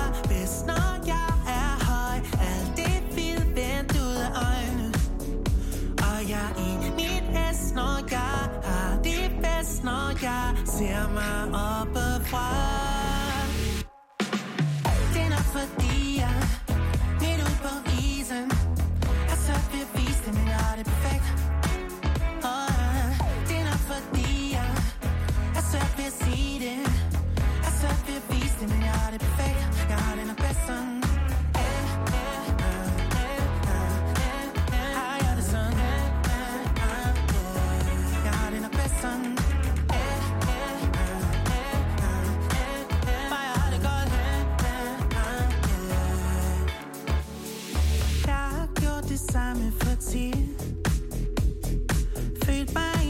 toppen, og alt gik væk.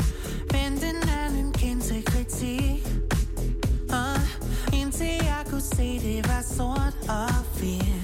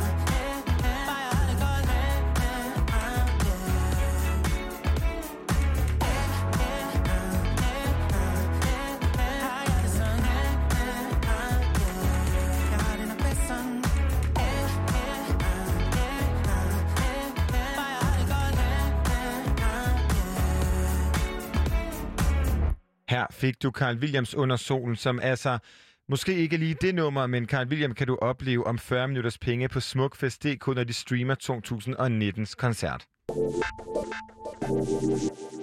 Christian, nu hvor vi taler om koncerter, så synes jeg, det ligger rimelig meget til højre benet at tage endnu en tur tilbage til øh, det andet musikprogram. En af de andre musikprogrammer, som vi har her på kanalen, nemlig øh, Pitten, hvor at øh, vært Alexandra Milanovic forsøg af ingen ringer en Kit, der skal på turné her til efteråret. Må vi ske, øh, måske hedder det. Må vi håbe, var det jeg prøvede at sige. Øh, men det er simpelthen øh, seks år siden, vi har fået en plade fra ham sidst. Og øh, nu er han simpelthen tilbage med, hvad vi nok vil kalde et øh, comeback. Og Alexander, hun giver simpelthen Kit fri leg til at skabe den perfekte setliste, ligesom K gjorde tidligt i programmet her Frekvens.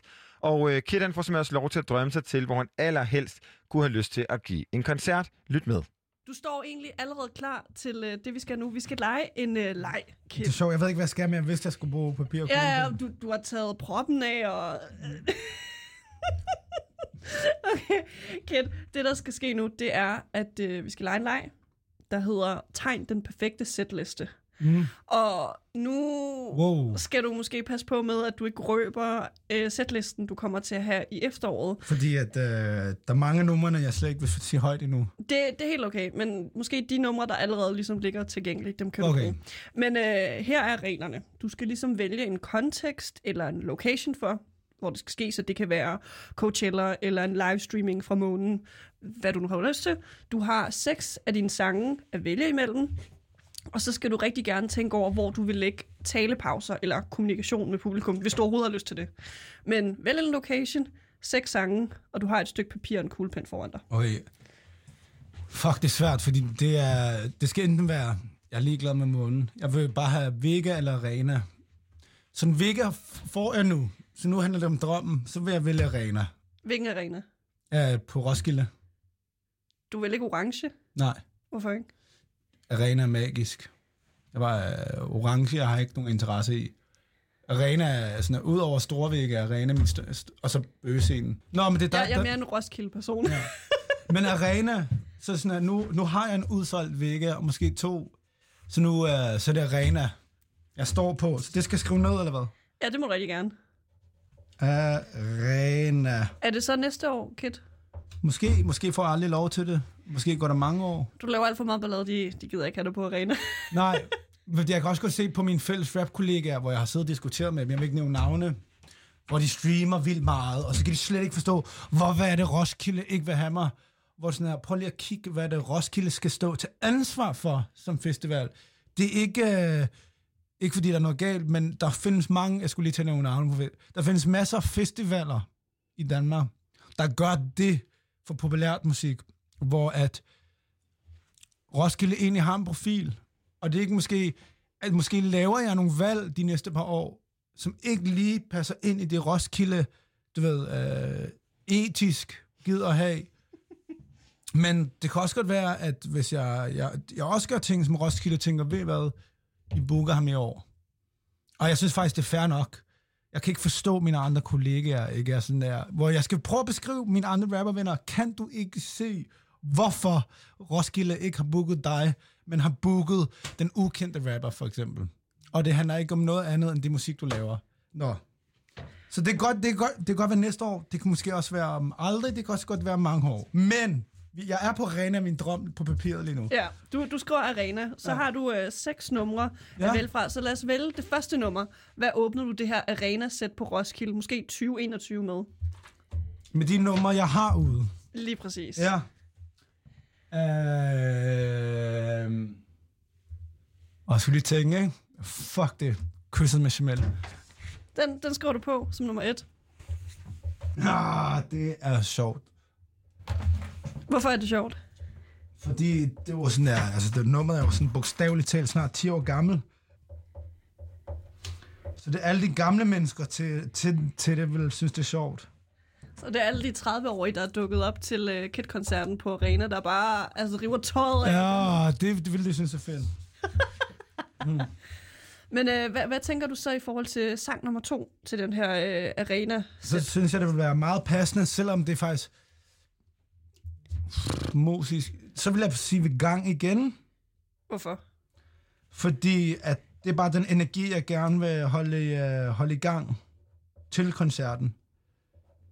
Vi skulle nok finde, vi skulle nok sidde og hjernes brainstorme, hvordan det her ting skulle mixe sammen og sætte sammen live, for det ville være lidt svært, men det er det oppe i mit hoved lige nu, jeg vil gøre. Hvad så i forhold til øh, talepauser og sådan noget? Altså, det Der er ingen talepauser. overhovedet under det Ej, her sæt? det hader jeg sådan Det gider du ikke? Nej. Okay. Tredje sang, hvad er der på, øh, hvad kommer der på For der? jeg er sådan her, jeg er der ikke for at snakke. Jeg er der for at spille og have det vildt, og når det er færdigt, så går jeg. Og jeg, Og tager pengeposen. Pengene er sgu ikke så vigtige for mig mere. Måske, hvis du spurgte mig for fem år siden, jeg sgu fucking ligeglad. Altså, jeg, jeg, jeg vil gå, men jeg har da ikke for, sådan jeg er jo enig om, at jeg gør det her, fordi det er det, jeg brænder for, og det er det, jeg elsker. Situationen var anderledes for nogle år siden, synes jeg, penge og sko og bil og smykker måske var vigtigt. Jeg har bogstaveligt talt givet alt væk eller solgt det. Jeg er der for at være vild. Så jeg, jeg behøver heller ikke at være falsk og stå og sige tak. For jeg tror, at hver enkelt person i rummet ved, at jeg er taknemmelig, og jeg gør det, fordi jeg elsker det. Jeg er der ikke for andre grunde. Så jeg skal, jeg skal ikke stå og sige tak. Ej, hvor er vildt, det er. Alle ved godt, jeg gør det. Og alle ved godt, at jeg er fucking taknemmelig for, at de er der. Så der er ingen talerpause. Jeg gider ikke stå og sige bukke og vinke efter koncerten. Når jeg er færdig, så færdig, så går jeg. Og folk ved godt, at, jeg, at hvis jeg kunne komme ned og give hver eneste person et kram, så ville jeg gøre det. Og, men det synes jeg også er lidt ulækkert i virkeligheden, også i de her coronatider. Så det kommer ikke til at ske. Så folk ved godt. Jeg behøver ikke at snakke. Jeg behøver ikke at sige tak. Folk ved det godt. Hvad er sang nummer tre? Det er... Er det brunt øje? Ikke nu. Ikke nu? okay. Så vi kører over faktisk til Fetterline. Kæmpe nummer. Hvorfor skal det være øh, sådan midt i setlisten? Bare fordi for at holde energien højt. Kys med smeltgang igen. Fetterline. Bare fordi, at det er også bare et nummer, folk kan lide at hoppe og råbe til. Et nummer, jeg har ude. Nu, nu, altså nu har du sagt, at du ikke vil have en altså sådan kommunikation eller talepause med publikum, men hvad så med visuals? Er det noget, der ligesom skal gøre, gøre det op med, at du, du ikke Ja. tale med dem? Ja. At det er ikke noget, jeg har prøvet før i mit liv, jo. Så det er kun noget, der er på tegnebrættet, men ideen er, at der er rigtig meget flot lys, der sådan bevæger sig med energierne og nummeret og stemningen. Så rundt omkring mig og i publikum og bag mig, er der ligesom lys og ting, der sker, der passer til nummerne, ja. som vi først er i gang med at udvikle, mens, ja, mens altså, det er noget, vi er i gang med at finde ud af, hvordan man gør. Ja. Hvad med øh, fjerde sang på listen? Nu går du lidt rundt og tænker. Du har... Uh, bare dans. Nej, nej, nej, nej, nej. Nummer 4 er brunt øje. Nu kom brunt øje. Hvorfor kommer den først nu? For det giver mening nu, fordi nu har vi været helt op. Og brunt øje er stadig et vildt nummer, men det får lige folk ned, hvor de stadig er festmood, men det er ikke sådan noget 808 hopperagtigt. Så vi folk er stadig dansende, men vi tager det lige lidt roligt. Ikke roligt, men roligere. Det er også der, man også lige kan nå at få en tår af sin øl eller Mm. dansk vand, hvis det er. Ja. Ja, vi er, vi er ved at komme til slutningen af setlisten nummer 5. Hvad skal der være som femte sang på listen? Bare dans. Ja, det er jo øh, noget af det nyeste, du har udgivet. Ja. Hvor, hvorfor skal den være nummer 5? Fordi den går bare godt... Altså, det var ikke noget, jeg tænkte over, men det går bare ret hånd i hånd med brunt øje og bare dans. Så man stadig har det fester, men lidt mere roligere. Det, festen lidt mere, er lidt mere i hofterne end i benene, hvor man skal hoppe. Og det synes jeg bare er godt med brunt øje, bare dans. Det er først lige nu, mens vi snakker, at det går op for mig, at det bliver sjovt at spille de her numre i træk. Så, øh, Nu har jeg lige røbet noget, men altså... Oh. Fordi at det kommer til at give mening at spille de her to numre. du, du lægger bare easter eggs rundt nu øh, Ja. i udsendelsen. Men øh, hvad er vi nået til nu? Nu er det sidste nummer. Ja. Det, der skal få arena til... Altså, teltet vil jo falde sammen her. Hvad, hvad er det for et nummer, der får Men de numre, jeg har ude, det er jo ikke lavet penge. Fordi alle vil have den. Altså, det er... Men vil du personligt spille den? Ja, ja, altså selvfølgelig. altså, det skaber jo Ragnarok, så det vil man selvfølgelig slutte af med. Fordi at til alle koncerter, så når der et punkt, hvor man bliver lidt træt, og det er uanset hvem man er. Og det er derfor, man skal gemme de her ting, så lige at give den som sidste sådan skud. En kæmpe røvfuld, basically. Ja. ja. Så ikke lad penge. Og nu hvor du ligesom øh, kigger på de her øh, numre, øh, hvilket nummer skal vi spille fra setlisten nu? Vi har hørt øh, Brunt Øje. Altså, jeg synes bare, så skal vi høre den der i radioen lige nu. Bare dans. Ik- ikke lavet penge? Nå, ja. Nej, jeg vil hellere... Vi skal, vi, det handler om at gå til, frem, frem, frem. Bare dans skal vi høre. Undskyld mig lige et sekund for jeg er på vej til at gøre noget dumt. Træder ind, gør det godt. Hælder op, har det godt. Uh, er det nu ham der igen? Uh, du må holde fast på din kvind Tidlig stille, hold nu op. Gør hvad jeg vil, bibidi bop bop. To sæk, lille bitte kvinde. Hvorfor står du det med din veninde? For jeg kunne vise dig noget så fedt. Du er ikke smart lille folk, du er smart kid. Uh! Kender ikke til problemer. Sender min energi, til mig, til mig. Bare dans, bare dans, bare dans. Bare dans, bare dans, bare dans. For mig, for dig, for os. Bare dans, bare dans, bare dans, bare dans. Bare dans, bare dans, bare dans. For mig, for dig, for os. Bare dans. Undskyld mig, hvor kom jeg fra? Hvor skal vi hen, det op til dig. Det er lige meget, bare lad dem kigge.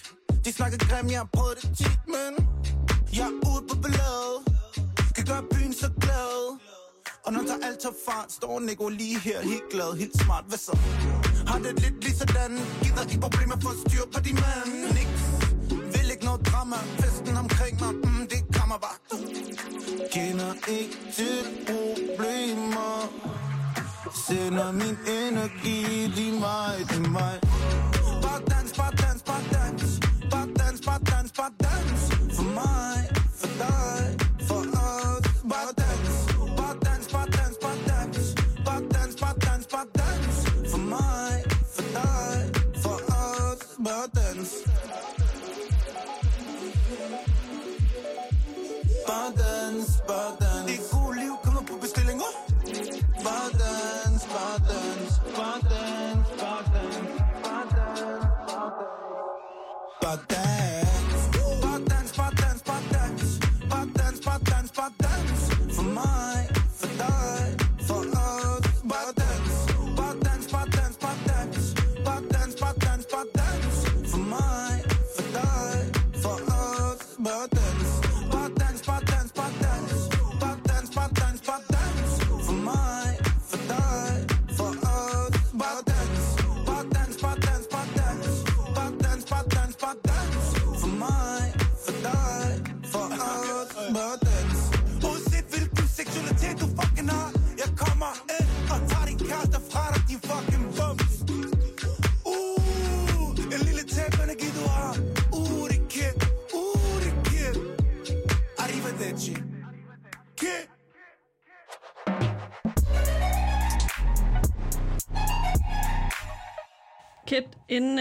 Vi skal sige øh, tak for i dag Ja. her med øh, udsendelsen, så øh, skal vi egentlig forbi altså et af, hvad skal man sige, de her store pæle i Pitten-programmet, som er fankulturen eller fanuniverset.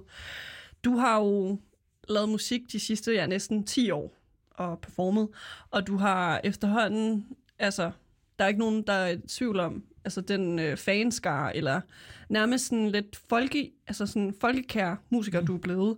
Men hvordan vil du selv sætte ord på altså den fanskare, eller de folk, der støtter dig? Hvem er de? Mm, det er et lille underligt tidspunkt, fordi at øh, også grund til at trække mig så hemmeligt for mange år tilbage, det var fordi, at jeg var ret udskilt. Det har vi heldigvis alle sammen glemt. Lige så populær jeg var, lige så skulle jeg ned med nakken offentligt. Jeg blev lynchet offentligt. Ikke en grund. Det blev bare ligesom på måde, at jeg skulle hypes, blev det også på måde, at jeg skulle ned med nakken. Øh, så det har egentlig, det er sådan, at kan man nærmest se, sidder som en tra- har siddet som en traume i mig, og nærmest været nærmest en frygt for at udgive musik, fordi at jeg ikke, jeg har aldrig haft lyst til at være kendt. Jeg har haft lyst til at udstille Vega, og store koncerter, men det er ikke en interesse for mig at være kendt, når jeg går af scenen. Så lige pludselig det der med, at jeg, altså det, jeg var virkelig, virkelig bange for at udgive bare dans og gang igen, og offentliggøre Vega. For jeg tænkte, hvad så hvis der var ikke var nogen, der gad at købe Vega-koncert? Sådan var det dagen før. Hvad så hvis der ikke er nogen? Så det er først nu, at jeg tænkte, fuck, jeg har fans. Altså det er, jeg vidste ikke, om der var nogen derude med at, at se reaktionen på bare dans, og at jeg udsolgte Vega, har været, altså så jeg kan ikke, altså det er jo først lige nu, der går op for mig, der er faktisk folk, der kan lide mig, der synes, det er fedt. Så det skal jeg lige lære at forstå, for jeg, får, kan, jeg nu kommer til at kunne svare på dit spørgsmål. For jeg vidste ikke, der var så mange, som øh, stadig gerne vil lege med. Jeg troede egentlig, jeg skulle tilbage til at spille på Idealbar, og ligesom langsomt bygge mig op igen. Men altså, det, det er lidt sjovt, du nævner det her med, at det er først nu, du, det går op for dig, sådan, wow, der er faktisk folk, der sådan er dedikeret og støtter mig og min Mm. musik.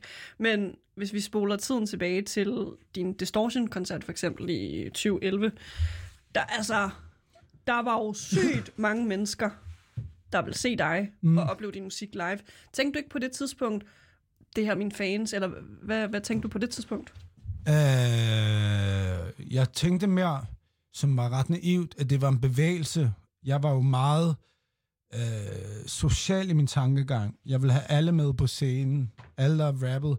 Og var DJ og skulle ligesom være med mig.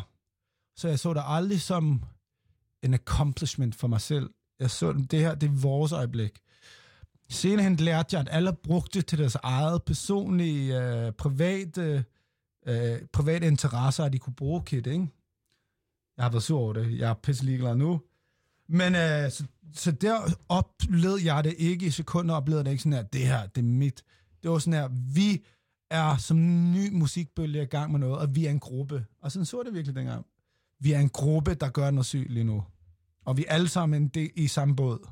Jeg så det ikke noget som min egen private... Ja. Så Kit i, øh, hvad skal man sige, start 10'erne eller i 10'erne, Mm. der ser du mere altså den her fanskare som en bevægelse. Men hvad, hvad, hvad så nu? Er det også en bevægelse, eller hvad? Nej, fordi at øh, så snart, at andre blev populære, altså alle har brugt Kit, der var ligesom, jeg trak med på scenen, og alle, også øh, i alle mulige ikke, har ligesom kunne bruge mig som, øh, forestil dig, du står ved sådan en mur i sådan en uh, bootcamp militæret, så var jeg den person, der ligesom stod og gav hestesko til alle op over muren. Og øh, så i stedet for en blev på muren og ligesom gav mig hånden og trak mig med over muren, så lå folk mig bare være der, fordi at jeg havde kunne løbe hurtigere til at starte med. Men nu har jeg jo selv fundet vej op på muren igen, og kan selv komme over muren, og jeg er jo stadig den hurtigste til at løbe. Så sådan, øh, det er ikke desværre ikke en bevægelse. Det var min store drøm, at det hele skulle foregå i en stor gruppe, og det er ligesom sådan ungdommen og alle musikerne, men folk, at du ved jeg ikke, de er mere interesserede i at have en Mercedes og Rolex-ure og likes og og det kom jeg også selv til det sidste par år for nogle år tilbage. Det er jeg selv kommet til at med i. Så alt er blevet splittet. Det er der egentlig... Jeg har samlet en masse ting. Alt er blevet splittet. Så desværre er det bare... Det er en kidshow, og det er en kidshow. Så det er, sådan, det er mit show. Men øh, jeg vil, vil da prøve at skabe noget, der, er lidt, der har lidt større værdier, end øh, hvilket ur jeg har på. Eller hvilken sko jeg går på scenen med. Jeg har lidt interesse i nogle andre ting. Hvordan vil du så beskrive dit, dit forhold til dem, der støtter dig? Så, altså, som ikke er dine venner? Uh, dem, der støtter mig som fans. Ja. Jeg føler, at vi er en bevægelse. Vi skal bare have det sjovt. Det er det, jeg gør det for. Alle, der kommer til mine koncerter, sætter pris på, og det er det, jeg laver musik for lige nu. Altså, så på den måde, mm, så er det en bevægelse. Og det er sådan, at hvis jeg kan gøre det til en bevægelse, at man ved, man går til sit job, man måske hader, man, øh, eller elsker, der er nogle ting, der er surt, men så ved man, her i uh, skal til Kid-koncert, eller det her sker, så er det fucking der, man ved, man ah, bare giver slip på alt. Der er jo også... Øh, altså, nu, nu har der været ret stille fra dig. Ja. Ja. Men øh, der er to gutter i Danmark, Ja. der øh, altså, de nærmest har lavet dig leve videre på internettet. Mm. Du har jo du har røbet lidt, at du ligesom holder dig ikke fra Instagram og Facebook og så videre, medmindre det er nødvendigt. Medmindre du skal annoncere nogle øh, store koncerter øh, rundt omkring i Jeg har landet. ikke Facebook. Det er, min, øh, det er booking, der kører min Facebook. Jeg har ikke Facebook. Men øh, der er de her to gutter, Asbjørn og Christoffer. De har lavet en Instagram meme-account. Er det den, der hedder gode kid memes? Eller? Lige præcis. Ja, men jeg, har, jeg, har, jeg følger jo med. Lige nu, der har den sådan øh, over 800 følgere, og jeg Mhm. faldt over den ved et tilfælde, og sådan, den dag jeg fandt den, altså jeg har bare grint så meget, hvor jeg bare scrollede igennem Mm. det der feed. Men hvad tænker du, altså, ja, hvilke tanker går du igennem hovedet, når du ser sådan, der er nogen, der fucking laver en meme-account med Altså, jeg- om mig? Jeg har jo bare øh, haft det sjovt over det. Altså, det er jo sådan der, fordi meget er der virkelig dårlig humor, som jeg sætter pris på. Altså, det er noget af det faktisk ikke sjovt, og det er det, der gør det sjovt. Altså, det er bare sjovt, hvis nogen er, altså, det virker til, at dem, der har det, er bare, der er god stemning og god energi, så sådan, det er jo bare sjovt, at nogen gør det. Altså, jeg ved ikke, fordi jeg, sådan, jeg tænker ikke så meget over det, jeg tænker bare, sådan er det bare. Og sådan, øh, så går jeg bare og griner lidt af det. Men, Men du kender dem simpelthen? Ja, jeg har, jeg har talt med dem, og jeg har faktisk en overraskelse lige om lidt, vi, vi skal høre fra dem. Mm. Men øh, øh, jeg vil egentlig høre lidt om, altså, hvor- hvordan er det for dig som person, men også som artist, altså, at dine fans ikke kun, du ved, bare modtager din musik, Mm. men at de også giver noget igen. Altså, der er nogle artister, der for eksempel laver TikTok-danse, og så får de det ligesom fra fans. Det har du ikke været ude i nu. Måske kommer det til efteråret. Jeg har aldrig, altså jeg, det er ikke noget for, det, det virker som om, jeg er blevet gammel og mystisk eller sådan noget. Men jeg har aldrig været på TikTok. Jeg har ikke set TikTok-appen endnu. Jeg har set, når at TikTok øh, ligesom er blevet kopieret over til YouTube og til, hvad hedder det, Instagram. Jeg har ikke- aldrig været på TikTok. Og så er der nogle artister, som for eksempel Charlie XCX, hun har lige udgivet i maj Mm. et øh, fanproduceret album. Altså fans har sendt hende beats og artwork og sådan noget. Hvad, Jeg er i hvad- gang med noget lignende. Uh, okay. Hvad er det? Øh, Jeg har oprettet en mail for nogle uger siden, og så har jeg bare lagt det på Instagram, og nu er folk i gang med at sende ting til mig. Som hvad? uh, beats, uh, omkvæd, vers. Så sidder jeg og skriver med dem, og så sender jeg vers tilbage, og lægger sang på deres beats, og sidder og laver musik. Altså, det var slet ikke uh, professionelt, kan jeg sige, på et højt niveau. Men nu er jeg, har jeg bare sjov med folk, der er Kid-fans. Så jeg sidder og laver musik med folk, jeg aldrig har mødt. Men, men hvad er formålet med det? Er det, fordi du skal blive inspireret? Er det, fordi... Der er ikke noget formål, ja. Sådan, det er jo det, det, er jo det. Ja, der er, det er bare at lave musik. Det er formålet, hvis det er et formål. Der er ikke, fordi det er sjovt at lave musik. Og sidder der et eller andet øh, op i Vendsyssel, tror jeg det hedder, og laver... Hvad er der med dig, Jylland? Nej, nej. Det er bare... Øh, så sidder der med en 15-årig Vendsyssel og laver beats, og så tænker jeg, det var ikke muligt, da jeg sad på Fruit Loops, da jeg var 15. Og så er det bare sjovt, så kan han sende et beat til mig, og så lægger jeg et vers på og sender tilbage. Og så leger, det er bare, at man leger. Det er bare musik og leg. Så det er bare noget, man kan gøre i 2020, som er fucking grineren. Og folk er hemmelige, så jeg siger sådan, det her vers skal du ikke udnytte til at tjene penge på. Nu er det bare, vi, jeg har aldrig mødt dig, men nu har, leger vi bare. Og det er bare sygt, ligesom du siger, at nu kan man lave en plade med fans. Jeg sidder og laver musik med folk, der er fans. Og det synes jeg, at det er bare vildt, at man kan det. Men så lige tilbage til den her øh, gode kid memes øh, Ja, Når Instagram-account. vi snakker om alt muligt, det er fordi, du skal stoppe mig, jeg snakker bare. Jamen, der kommer også nogle guldkorn en gang imellem mm. ud fra dig, Kid. Men lige altså fra, fra dig, hvad er det, det her, det her meme-univers, hvad kan det bidrage til Kid-projektet? Det ved jeg ikke. Jeg ved ikke, om det bidrager med noget, eller med noget som helst. Ja, det kan jeg ikke svare på, fordi det, sådan, det ved jeg ikke. Hvad, hvad siger mavefornemmelsen? Jeg har ikke nogen mavefornemmelse. Jeg, det er sådan memes, som i alle gen, det er sådan her...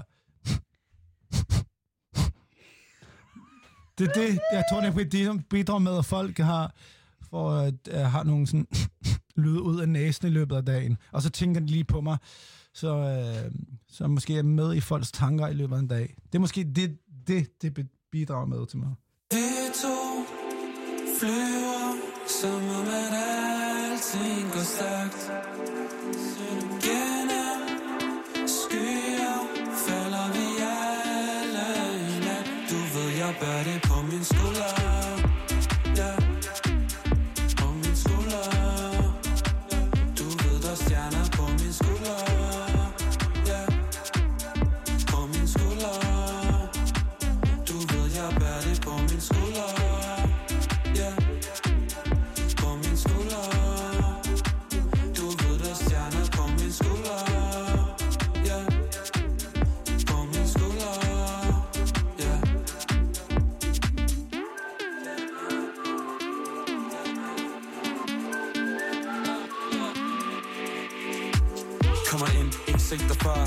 Jeg kan lide de ting, ting du gør. Okay, ingenting kan røres Sagde du var låst, der er ingenting at gøre. Men hvis jeg havde en ting at spørge Kunne det være, om vi to kunne finde ind ad døren. En ting, vi kunne finde en udvej. Hvordan skal jeg kunne gå for uden dig? Og jeg ved, det er skørt. 100 km i timen løbet der kørt Du sagde, vi skulle videre sammen, jeg sagde hør. Du ved Emilie mikrofonkontrollør. Yeah, videre sammen, jeg sagde okay nu. Kører natten lang, du sagde okay nu. Lad os tage den derfra. Under fire øjne, jeg ser dig. Vi to flyver Som om at alting går stærkt.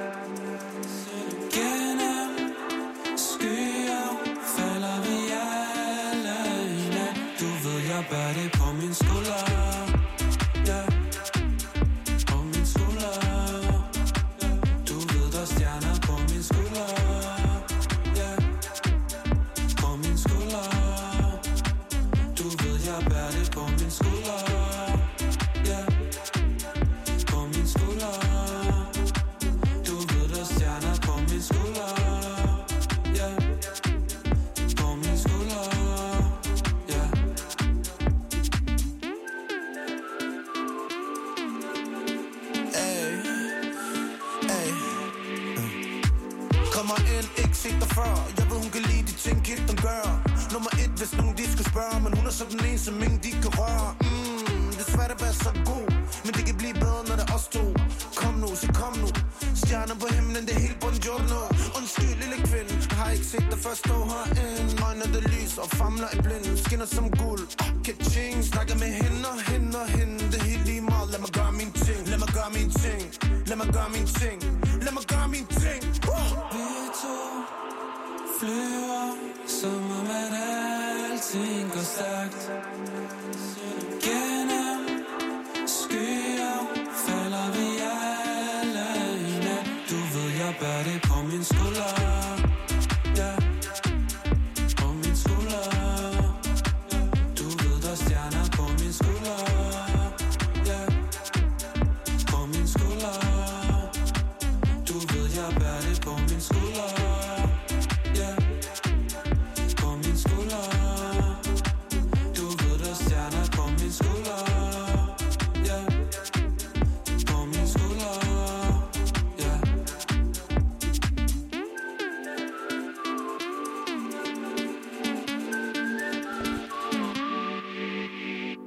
Her fik du stjerner fra Emil Kruse og Kit. Og Kit, som du jo hørte i pitten med Alexander Milanovic, som vi forhåbentlig kan komme til at opleve til efteråret, når han altså er tilbage på koncertturné. Vi skal snakke lidt om en ældre herre, Christian, øh, nemlig øh, Neil Young. Vi skal faktisk snakke om to ældre herrer. Øh, den ene måske en lidt federe type end den anden. Fordi at, øh, ja, det handler om Neil Young, men det handler også lidt om øh, Donald Trump. Fordi at øh, Donald Trump, han har nemlig ved øh, de der berømte rallies, han holder der. Øh, navnligt nogen, han har holdt i uh, Tulsa, Oklahoma, og så ved Mount Rushmore i forbindelse med Independence Day. Der har han uh, brugt noget musik, som Neil Young han har skrevet en gang i 60-70'erne. Nemlig uh, den sang, der hedder Rockin' in the Free World, og en anden en, der hedder Devil's Sidewalk. Tulsa, det var vel den rally, som uh, TikTok-brugere saboteret Ja. ved at booke sindssygt mange pladser, og så ikke møde op, ikke? Det er nemlig rigtigt. Det var, det var den berømte, den berømte Tulsa Rally der. Hvad hedder det?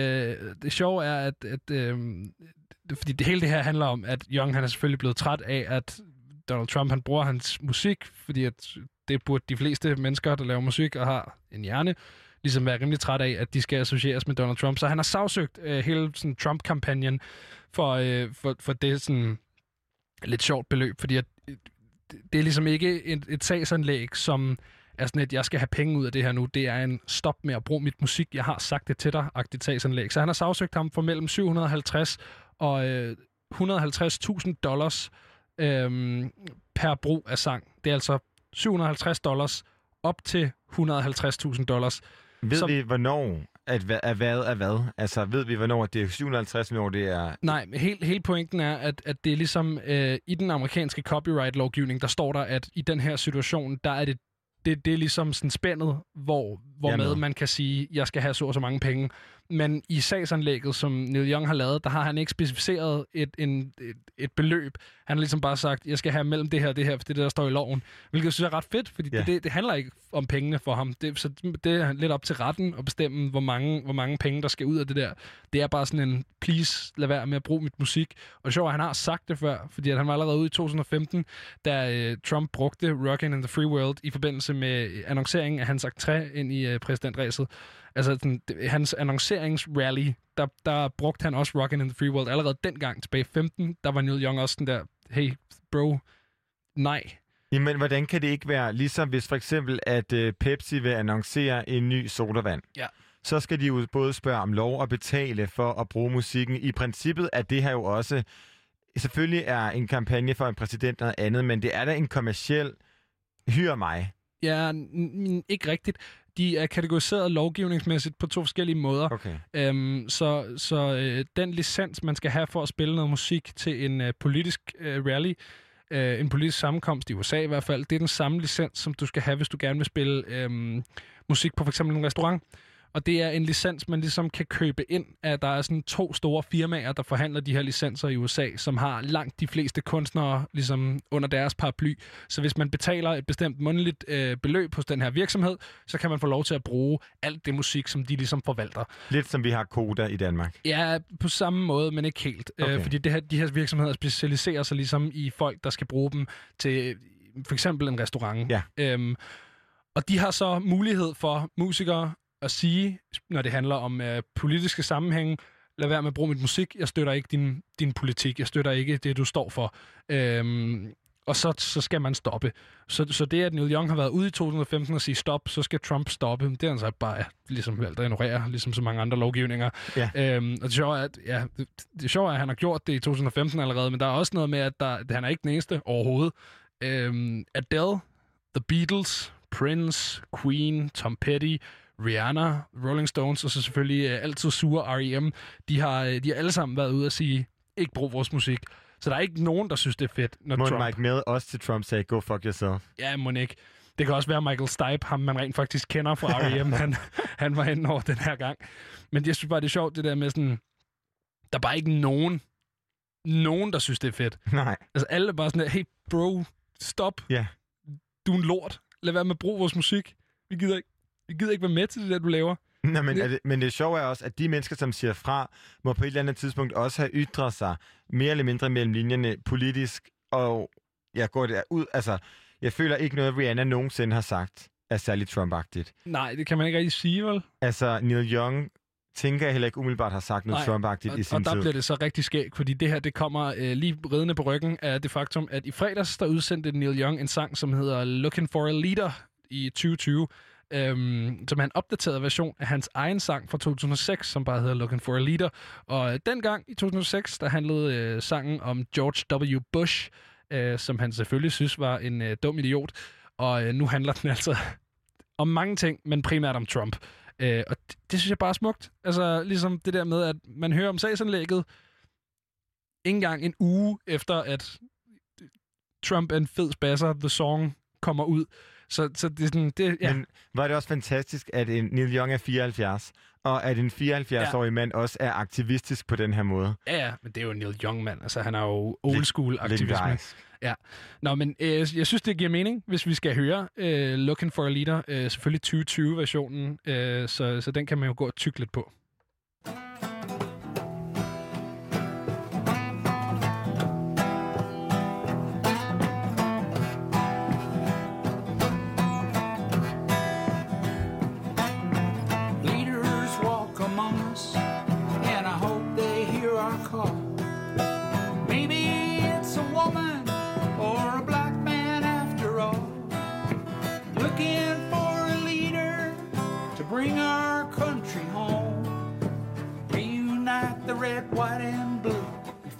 turns to stone.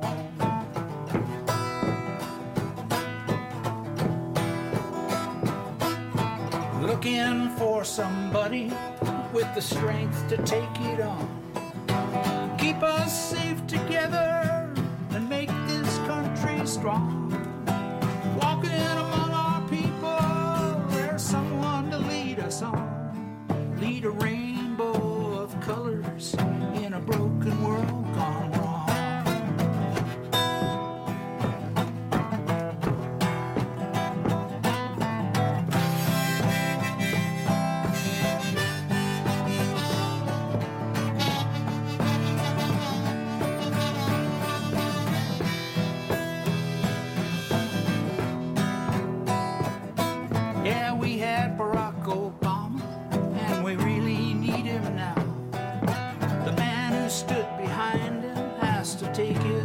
Somehow. America has a leader building walls around our house. We don't know Black Lives Matter, and we got to vote him out.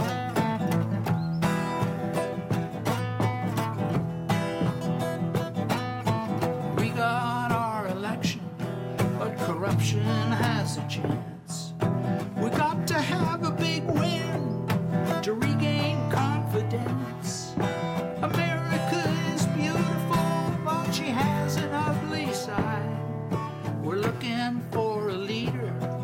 This country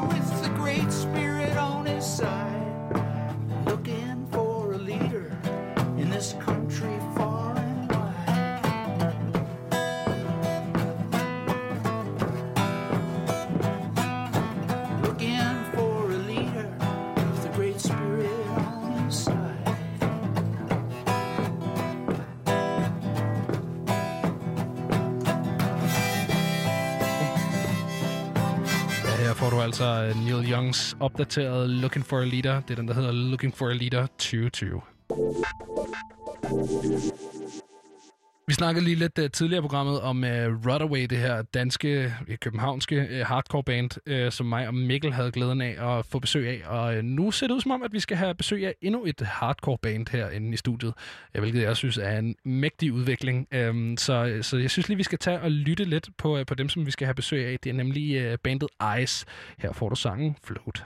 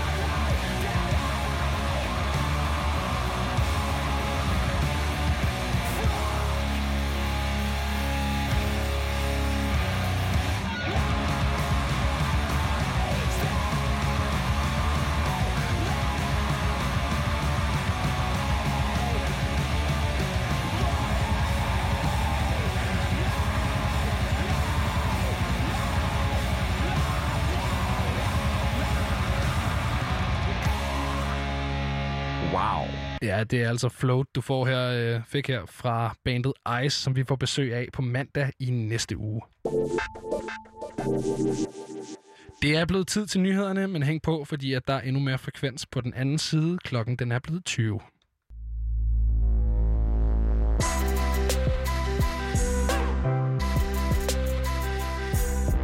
No!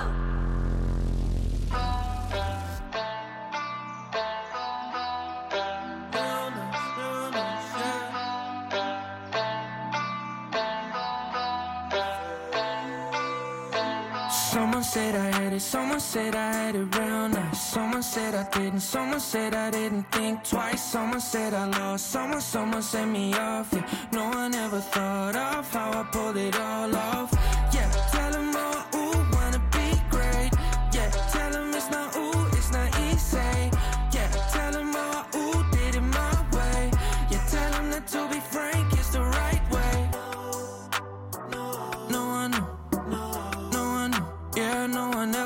ever me. Yeah, no one knew, no one knew. Yeah, go ahead and ask me. Oh, babe, you should go ahead and ask me. Yeah, oh, babe, you should go famous, someone said I was that guy. Someone said I'm cocky when we fuck, you feel the spotlight. Someone said I'm sad, someone said I'm overthinking. Someone said I'm always mad when I'm. Yeah, tell them all, ooh, love you deeply. Yeah, tell them so much, ooh, it's not easy. Yeah, tell them all, ooh, came from dark days. Yeah, tell them that's why I, ooh,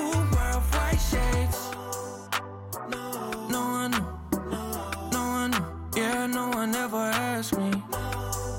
Yeah, no one no one. Yeah, go ahead and ask me. Yeah, oh, babe, you should go ahead and ask me. Yeah, yeah, oh, babe, you should go ahead and ask me. Ain't no one that can claim what's mine. No one do it like me. And if anyone try to claim what's yours, no one do it like you. Yeah, yeah. I don't wanna be like him, no. I don't wanna be like her, no. I don't wanna be like them, no. What's the what's the word? I just wanna be like me, yeah. I was all I needed, and I wanna set you free, yeah. Hey,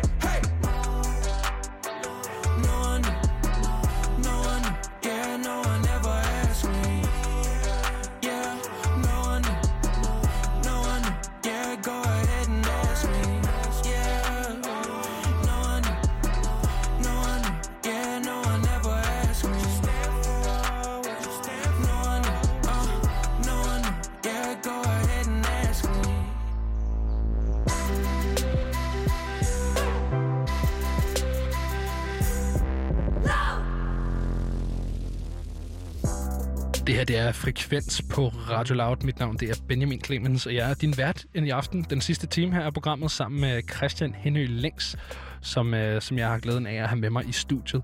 Vi har allerede været i gang i et par timer, Christian, men vi har lige en time tilbage, hvor vi vi. skal snakke om en masse ting. Og øh, Jamen, vi skal snakke lidt, øh, lidt aktualitet faktisk i forhold til sådan dansk live musik, fordi i dag der er antallet af nye covid-smittede i Danmark, øh, det er 112, og det er simpelthen det højeste i mere end tre måneder. Det vil sige, det går rimelig meget den forkerte vej.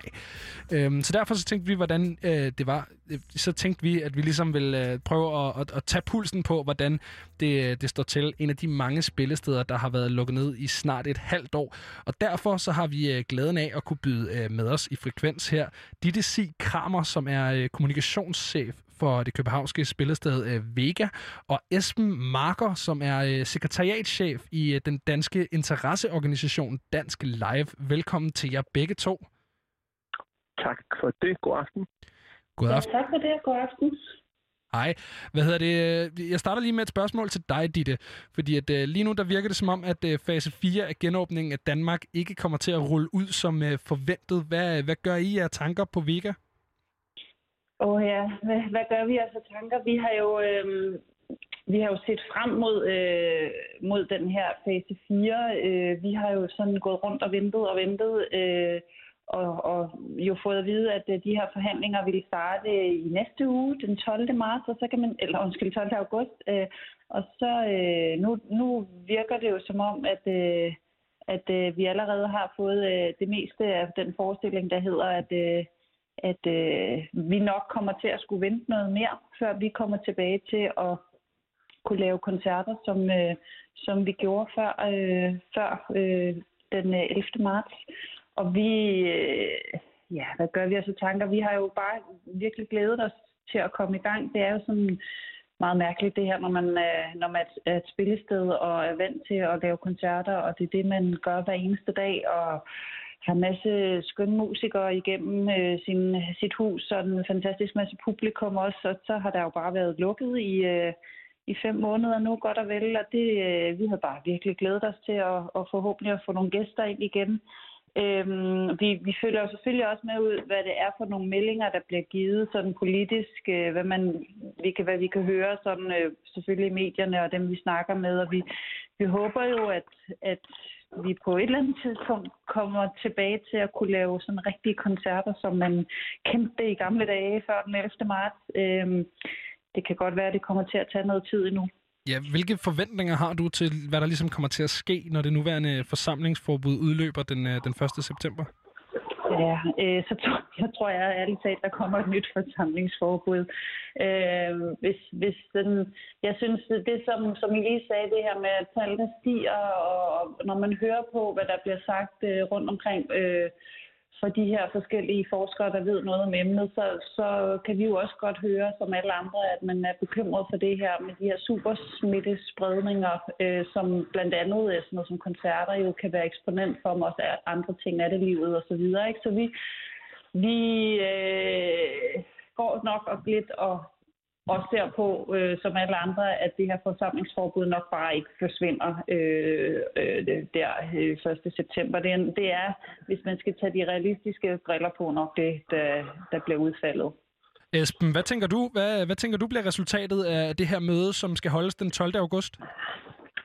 Jamen, det vil jeg helst ikke have nogen tanker om egentlig. Jeg synes jo, det der er det vigtige nu, det er, at når de sætter sig til forhandlingsbordet, hvis de beslutter, at man fortsat ikke skal have spillestederne åbne, at de så laver en god og, og substantiel øh, hjælp til spillestederne, så vi sikrer, at de kommer igennem den her krise med, ja, i, i levende form, kan man sige. Fordi det er jo det, der kommer til at ske, at, at hvis det fortsat ikke kan lade sig gøre at lave koncerter, så er der, står der en masse spillesteder, som øh, i forvejen er i krise, men den krise bliver jo selvfølgelig forværret af, at, øh, at den genåbning bliver udskudt. Jamen Esben, vil man kunne, altså om tre uger, vil man kunne for, for forsvarlig vis ligesom afvikle en koncert allerede der? Men vil jo alle sammen gerne tage ansvar for at lave, åbne, øh, lave koncerter, der kan gennemføres på så forsvarlig vis som overhovedet muligt. Men det er klart, der er nogle sundhedsfaglige betragtninger af det her, og det er øh, jeg er ikke ekspert i. Det er der nogle andre, der er ekspert i. Men det vigtige er at huske, at det er spillesteder, som jo hver dag laver øh, koncerter med fokus på sikkerhed i forhold til brand og, og øh, ja, publikum crowd safety kalder vi det i branchen. De kan sagtens håndtere øh, eventuelle krav om, øh, om afstand og mundbind eller så videre. Det, der bare ikke kan lade sig gøre, det er at lave koncerter med en kapacitet på, på meget få procentdel af det, der normalt øh, vil være en, kon- en koncerts øh, salgsbare kapacitet. Nej, fordi hvis vi lige går tilbage til dig, Ditte, vil det kunne betale sig at, at afholde en koncert med færre gæster og flere omkostninger i forhold til afviklingen med rengøring og mundbind og alle mulige ting? Eller er der et punkt, hvor det ligesom ikke giver mening at åbne for, for så lille et antal mennesker? Øh, det er der bestemt et punkt. Øh, i, øh, i Vega, der, øh, der øh, er vores tommelfingerregel, at øh, vi skal have, have solgt cirka 75-80 procent af vores billetter, øh, når, vi, øh, når vi åbner vores sale og afholder en koncert. Og det tror jeg, det er sådan, der vi måske ligger vi lige til den høje ende for spillesteder, men, men, men det er sådan, altså, man, man skal op på et øh, vist antal solgte billetter, før at det overhovedet giver mening øh, at åbne, og lige så snart man kommer under det, så er det ren underskudsforretning.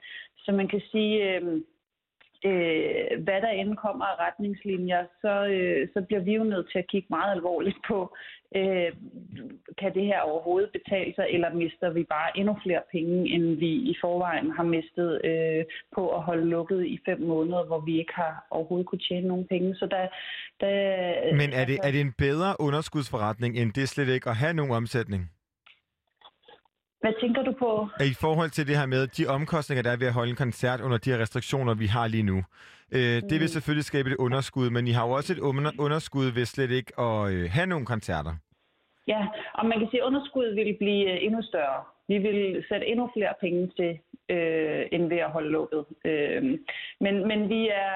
Øh, Altså, vi er jo også i den situation, at, at altså, vi brænder jo simpelthen så meget for at komme i gang med at lave koncerter. Det, det, vi føler, at vi har fået amputeret øh, begge ben og begge arme, og vi er en øh, bleg skygge af os selv, og vi vil bare virkelig, virkelig, virkelig gerne i gang igen. Og derfor Altså, så, så håber vi jo bare på, at vi, vi og alle andre spillesteder i Danmark kan få noget hjælp til at komme i gang. Altså, fordi det handler jo ikke, man kan sige, en ting er vores forretning og, og hvordan vi har en hverdag, men det handler jo også om musikken. Det er jo det, vi er der for, at præsentere musik. Og hvis øh, musikken ikke har nogen steder at gå hen, øh, eller udkomme og spille for publikum i alle de her mange måneder, som er vintermånederne, som ikke er festivalmånederne, så er vi også bare rigtig bekymret for, at man mister en hel, øh, eller vi i Danmark mister en hel generation af unge musikere på vej frem, og dem, som er på vej op og ved at bygge en karriere, de også bliver sat fuldstændig i stå, og på den måde, at altså, at det er bare sådan en dobbelttab. Det er et tab af spillesteder, der eventuelt går konkurs, drejer nøglen rundt, øh, øh, ikke kan overleve, men det er jo lige så meget et tab af, af musikken i Danmark, som, som ikke kan udkomme og møde sit publikum.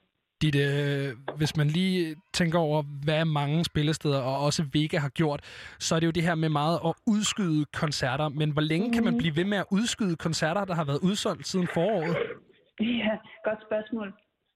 Øhm, det, altså, man kan sige, jo mere vi udskyder, jo mindre bliver der jo plads i kalenderen til nye ting.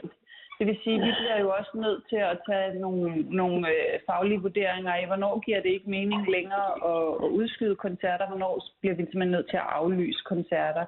Og så er der jo det for øh, et spillested som Vega øh, og nogle af de andre spillesteder i Danmark også, som jo, vi har et stort internationalt repertoire også, øh, øh, hvor vi præsenterer internationale øh, koncerter, og der kan man sige, der, øh, der er spørgsmålet nærmest endnu mere relevant, fordi at, at det er så utrolig usikkert, hvornår at der overhovedet begynder at komme internationale artister til, til Europa og Danmark igen. I øjeblikket, der kan man sige, der må amerikanske øh, musikere jo ikke engang øh, indrejse i øh, Europa. Nej, lige og økonomisk ville det være fuldstændig uoverskueligt, øh, fordi der er så mange forskellige restriktioner rundt omkring i Europa.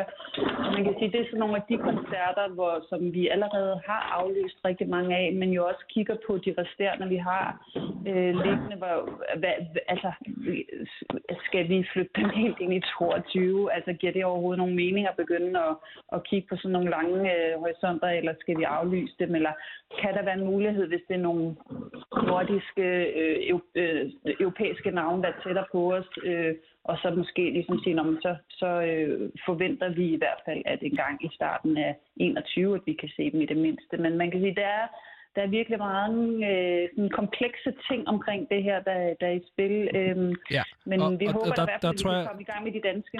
Ja, ja, lige præcis. Hvad hedder det? Jeg vil faktisk gerne, rigtig gerne lige høre noget fra, fra dig, Esben, fordi at, øh, der starter jo som sagt de her øh, politiske forhandlinger om en uge, nemlig den, den 12. august. Hvad skal der Mhm. ske fra regeringens side, for at livemusikken ligesom kan holdes i live efter corona? Jamen, der skal jo ske en prioritering, som, øh, som øh, muliggør en, en genåbning af, af koncert, øh, stående koncerter. Det er vigtigt at huske, at det her jo i høj grad handler, handler om de koncerter, hvor man samler mange mennesker, der står. Øh, og så skal man jo fra politisk side øh, huske at sondre imellem natteliv, altså diskoteker, natklubber, eller hvad vi ellers skal kalde det, og spillesteder, spillestedskoncerter, for det er ikke, de, det er ikke det samme. Det, det er to væsentligt forskellige ting. Og hvis det så ikke kan lade sig gøre, hvis man vurderer, at det er for stor en risiko at løbe og genåbne koncerter selv med øgede restriktioner og øget fokus på hygiejne osv., så skal man øh, sætte sig og lave en, øh, en, en god, solid hjælpepakke, som sikrer, at spillestederne kommer igennem, igennem det her. Og det er jo, som Ditte også siger, så er det jo ikke kun for spillestedernes skyld, det er jo også for alle de optrædende musikere, ja, og ikke mindst de to millioner øh, publikummer, der hvert år gæster koncerter i Danmark. Esben, nu nævner du det lidt selv, du kommer lidt selv ind på det her, men, men livemusikken ligger jo nemlig i gruppe med sådan nattelivet og diskotekerne, natklubberne, fordi at begge mm-hmm. ting stadig holder lukket. Men kan man overhovedet sammenligne det at gå til koncert med det at gå på diskotek? Øh, det kan man jo til visse koncerter øh, med høj intensitet, vil man kalde det på en festival. Øh, men, men langt hen ad vejen, så de fleste koncerter er jo meget stille rolige øh, begivenheder, hvor man, øh, hvor man øh, det kan godt være, at man danser, men, men, men man, øh, man danser altså kun med dem, man er fuldt til koncert med.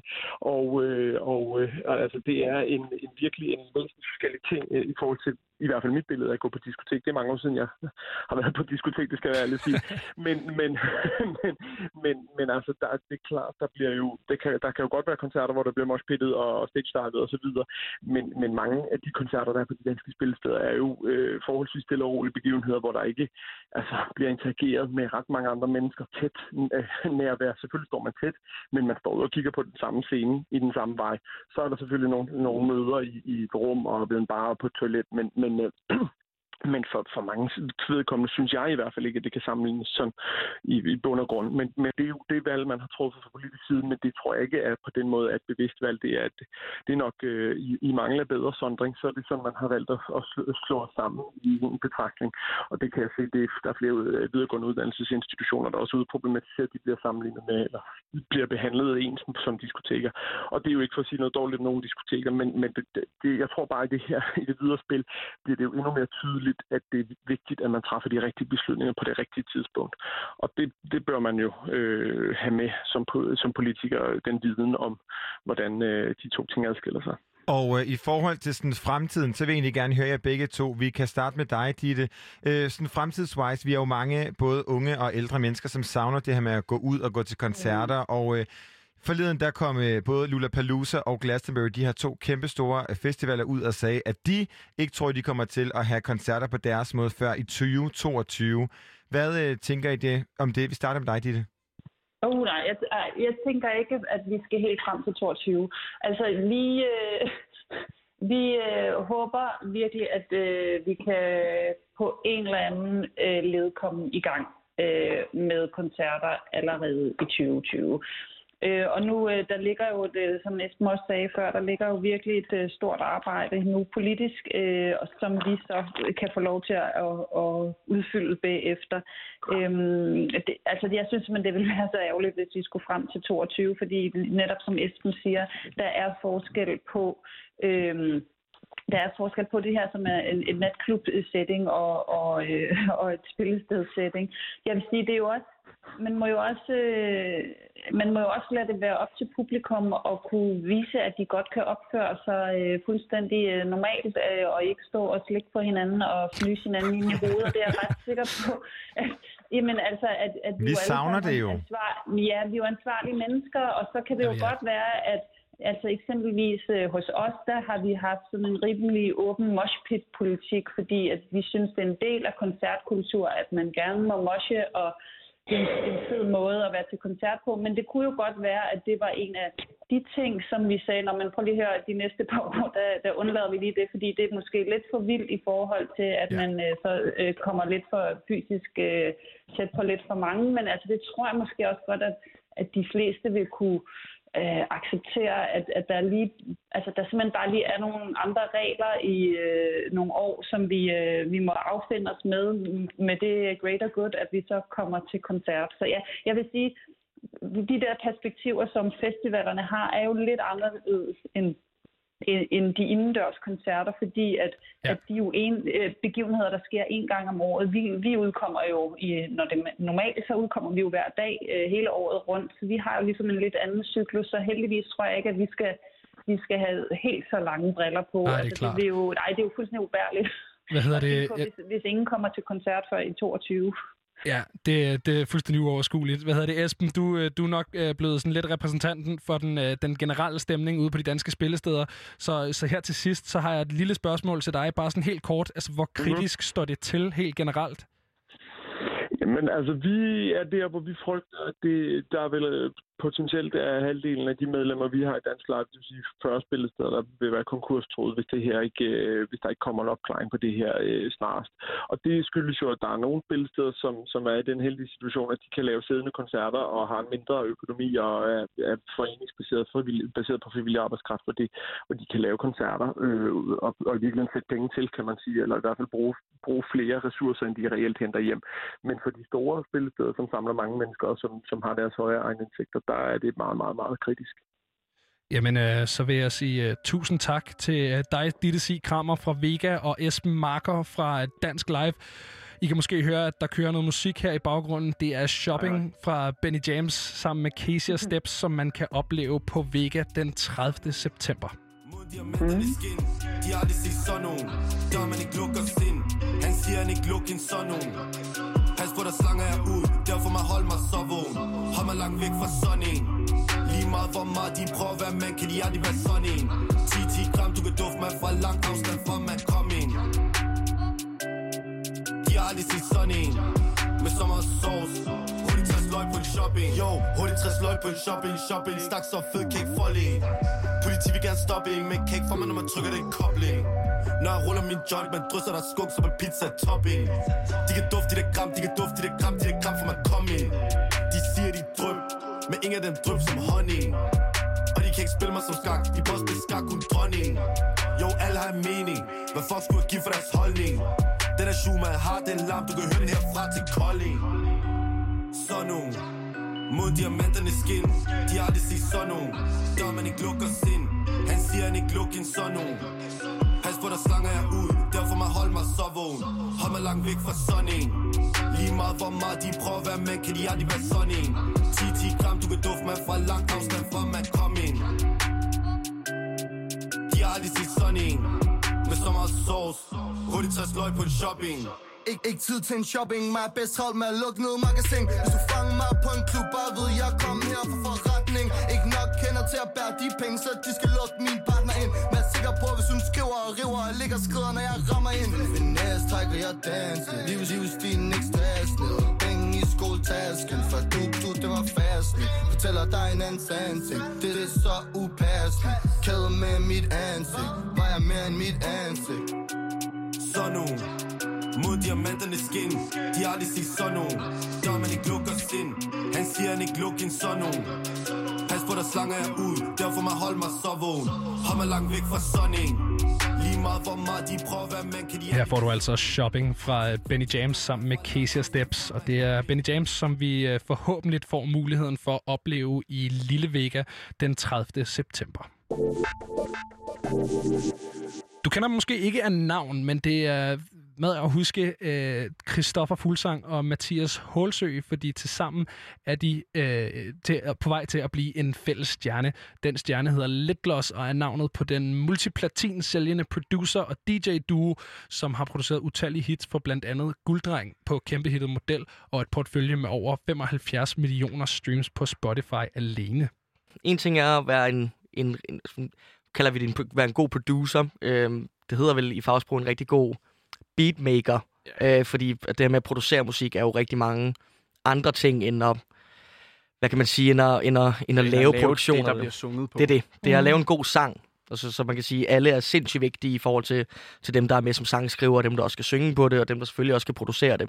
Så det er det her med at sådan, at der, og derfor er vi et godt producer-team. Mm. For ellers ville det bare være en, der var øh, god til at producere, og en, der var god til at lave beats. Hver for sig, men sammen, der er vi bare gode producer.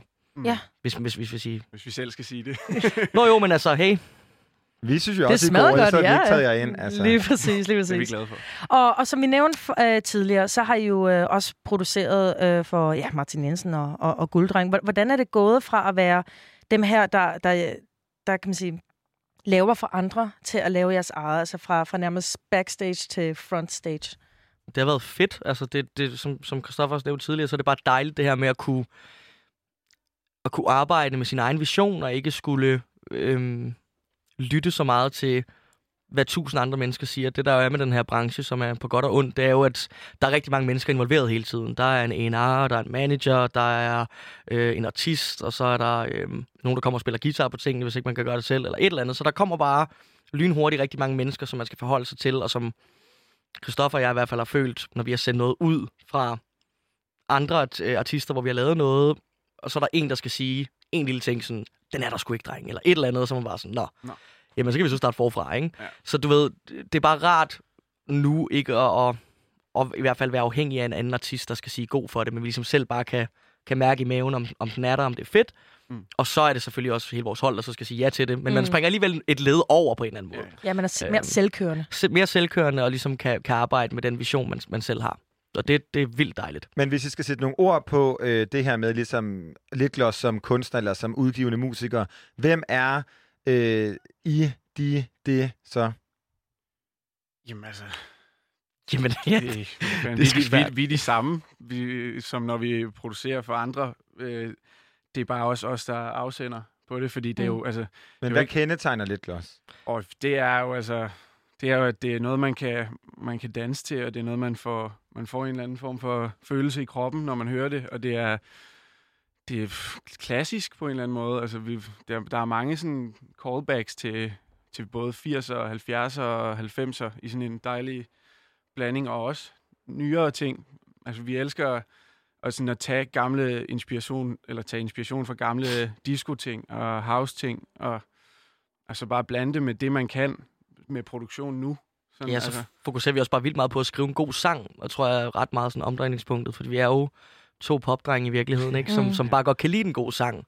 Øhm, og og det, det er vigtigt for os, at, at den her sang skal også kunne fungere over guitar. Den skal Mm. stadig være energisk, og det skal ikke ligesom være vores produktioner, der nødvendigvis er sådan, wow, det er en fed produktion, men hold kæft, en ligegyldig sang i virkeligheden. Mm.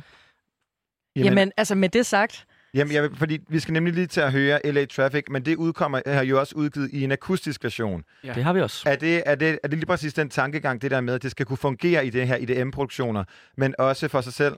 Lige præcis det her med, at det stadig er en god sang, og at vokalisten, som i det her tilfælde øh, Rosa her, kan bære den selv, og, og, og, og, og simpelthen bare... ja, sådan, sangen fortjener at blive hørt på den måde også, fordi at hun har så god en stemme, og altså, Præcis. der skal vores produktion ikke nødvendigvis tage øh, Alt alt for meget fokus fra, hvor, hvor, hvor god sangen også er, synes vi. Det er det. så demokratisk øh, EDM. Demokratisk EDM. ja. Lige præcis. Jamen med det sagt, så synes jeg næsten, at vi skal høre øh, det udspil, I, I udkom med tidligere i år, i år. Her kommer lidt gloss med nummeret LA Traffic.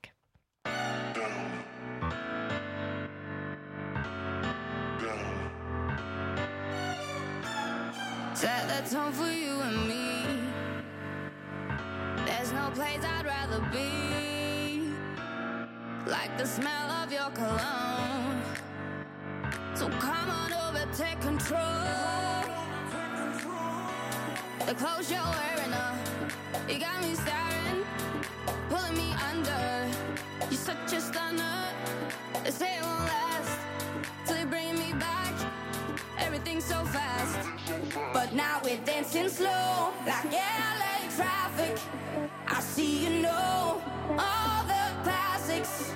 Go sing 'em out loud, loud,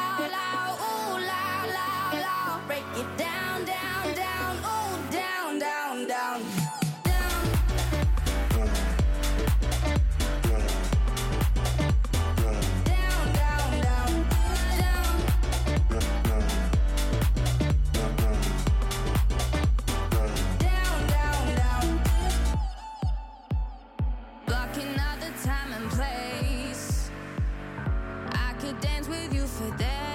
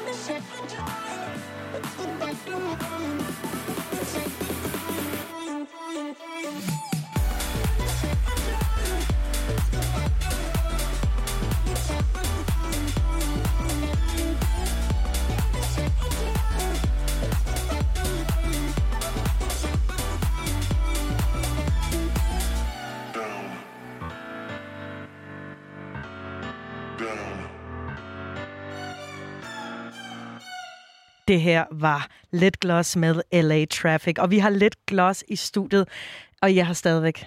Vi er stadigvæk. Og det er vi i hvert fald øh, glade for her på øh, Radio Loud. Og i udgave, øh, som øh, kan man sige, ja, som samlet fælles projekt, øh, den her single LA Traffic i, øh, i marts. Og øh, hvordan føler I modtagelsen har været? Er I, er, er I glade? Altså, den har været over al forventning, vil jeg sige. Øhm, men altså, jeg forventer altid vildt meget, fordi jeg er kæmpe optimist.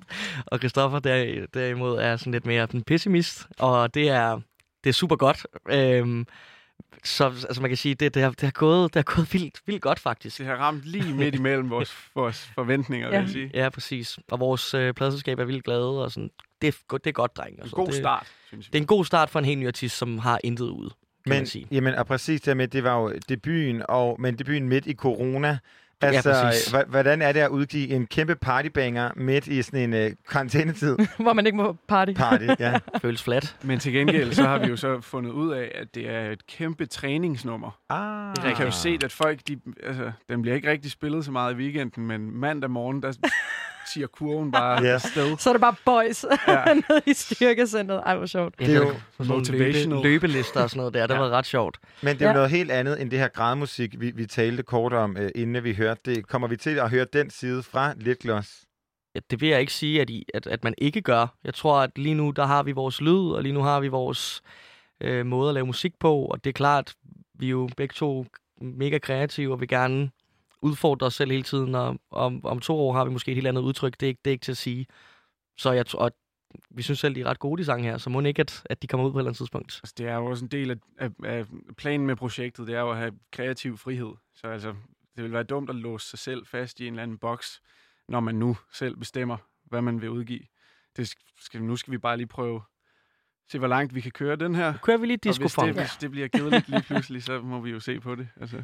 Ja, og, og apropos det der med at være jer, der, der udgiver musik. Hvordan er det en anderledes proces for jer at udgive under Litgloss eller under producer bag et, en anden kunstner? Altså, er man mere nervøs, når det er ens eget projekt? Jeg vil ikke sige, at man er mere nervøs. Der er bare, det er bare en anden forudsætning at udgive, kan man sige, fordi at nu er det jo, nu er det jo os, der, der står som afsender på det, og hvis det går dårligt, så kan man ikke bare sige, ja, men det er jo også en anden artist, det er fint nok. så er det jo en selv, det falder tilbage på. Ja, hvis det er mere spændende på, på godt og ondt. Så man følger meget mere med i, hvordan det, hvordan det vokser, og hvad, hvad det har fået af nye playliste ads og sådan noget. Man tjekker sin telefon konstant i de der dage efter, at der kommer en ny sang ud. Fordi man vil jo bare gerne have, at det, at det stikker af. Jamen, og ret kort tid efter, så kom The Feeling, som også har en, øh, en meget sådan markant vokal på. Er det den samme, der synger, og øh, hvorfor er det ikke jer selv? Det er ikke den samme, der synger. Øh, det er en pige fra LA, der hedder Jordan. Og øh, grunden til, at det ikke er os selv, der synger den, det er simpelthen fordi, at øh, vi synger sgu bare ikke lige så fedt, som hun gør. altså, det er jo meget powerful øh, vokal. Øh, og den, den tror jeg sgu ikke, mig og Christoffer kan komme op og ramme. Nej, skal være helt så ærlig. med mindre det skal lyde som enten Johnny Cash eller Anton fra City Boys, så er det bedst, vi Så får nogle andre på. Altså. Så selv gætte, De to store kanoner, altså. altså, Anton fra City Boys før eller efter stemmetræning? Sådan lige i midten. Okay. Lige midten, tror jeg. Efter to omgange. Ja, det, det, Lige midten. det kender vi godt, den lyd. Skønt. Hvad hedder det? Ja, altså, jeg, øh, jeg, øh, jeg tror... Ja, jeg, jeg tror, at det vil, det, vil, det vil lyde skønt, hvis man, øh, hvis man også hørte øh, jer sådan, øh, synge med på, på, på sådan et nummer her. Så øh, jeg synes også lige, at vi skal ligesom, øh, høre The Feeling. Men før vi gør det, hvad er jeres forbindelse til, til LA? Nu har I lavet det her nummer, der hedder LA Traffic, og en sanger med fra, fra LA. Er, er I der meget? Det, det, det lyder simpelthen også så corny, og, og ja, som om, at alt er LA for os. Det er overhovedet ikke alt for os. Altså, jeg har det sgu lidt svagt med den by, der i virkeligheden. Er og jeg, meget fart på. Der, ja, det er sgu ikke lige noget for mig, Kristoffer, men, men det er klart, der er så meget arbejde, så når man er der for at arbejde, som vi er der ofte set på gang om året, så er det super fint. Men vi har ikke noget specielt tilhørsforhold til LA på nogen måde. Det er ikke, fordi vi har skrevet bedre sange i LA, end vi har gjort i et sommerhus i Thy. Nej. Det er fuldstændig det samme. Det handler helt omkring, hvordan vi har det på dagen. Ja. Vil jeg, vil jeg sige. Men, Ja, øh, man men kan sagtens skrive en, en, elend, eller en, en virkelig god sang i et dårligt studie, og omvendt. Altså, Ja. Præcis. Det er sgu ikke, man bliver ikke bedre af, at højtalerne er større. Det gør man ikke. Eller man har en pool. Eller man Nej. har en pool. Man er faktisk Det er dårligere. altid dejligt. Ja. ja, så bliver det lidt Så vil dårligere. man hellere være derude. Og hvor er så det nummer, vi skal til at høre nu, The Feeling, som, uh, som I også er, er ude med? Uh, hvor er det så skrevet? Er det i ty? Det er skrevet i LA. Det er skrevet i LA? Det er skrevet i okay. LA. Og kunne man mærke det? Ja, jeg vil sige, lige der, der var, vi, der var frisk energi, fordi vi var, det var første dag, vi var kommet over her sidst, vi var afsted, og man var virkelig, man var frisk og, og glædet sig til det. Jeg var lidt jetlagged, vil jeg sige. Men, var altså, men der var god energi. Det var Men det er, jo nytårsaften. også en, øh, det er jo også en følelse. Ja. Så Det er også en apropos, følelse. jeg lige, vi skal høre det nummer, I også har været med. Her kommer The Feeling.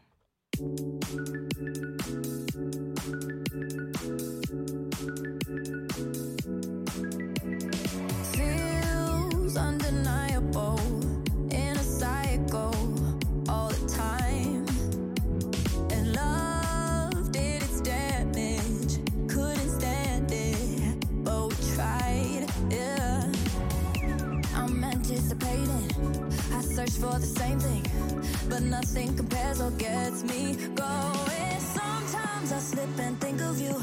It comes out of the blue, and I just let it ride. In our case, true love, it wasn't true.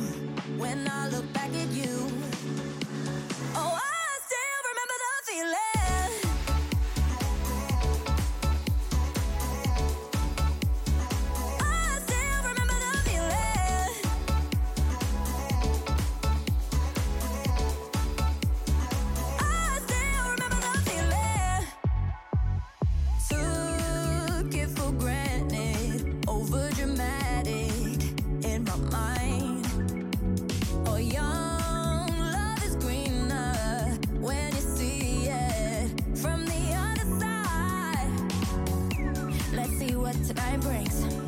Search for the same thing, but nothing compares or gets me going. Sometimes I slip and think of you. It comes out of the blue, and I just let it ride. In our case, true love, it wasn't true. When I look back at you,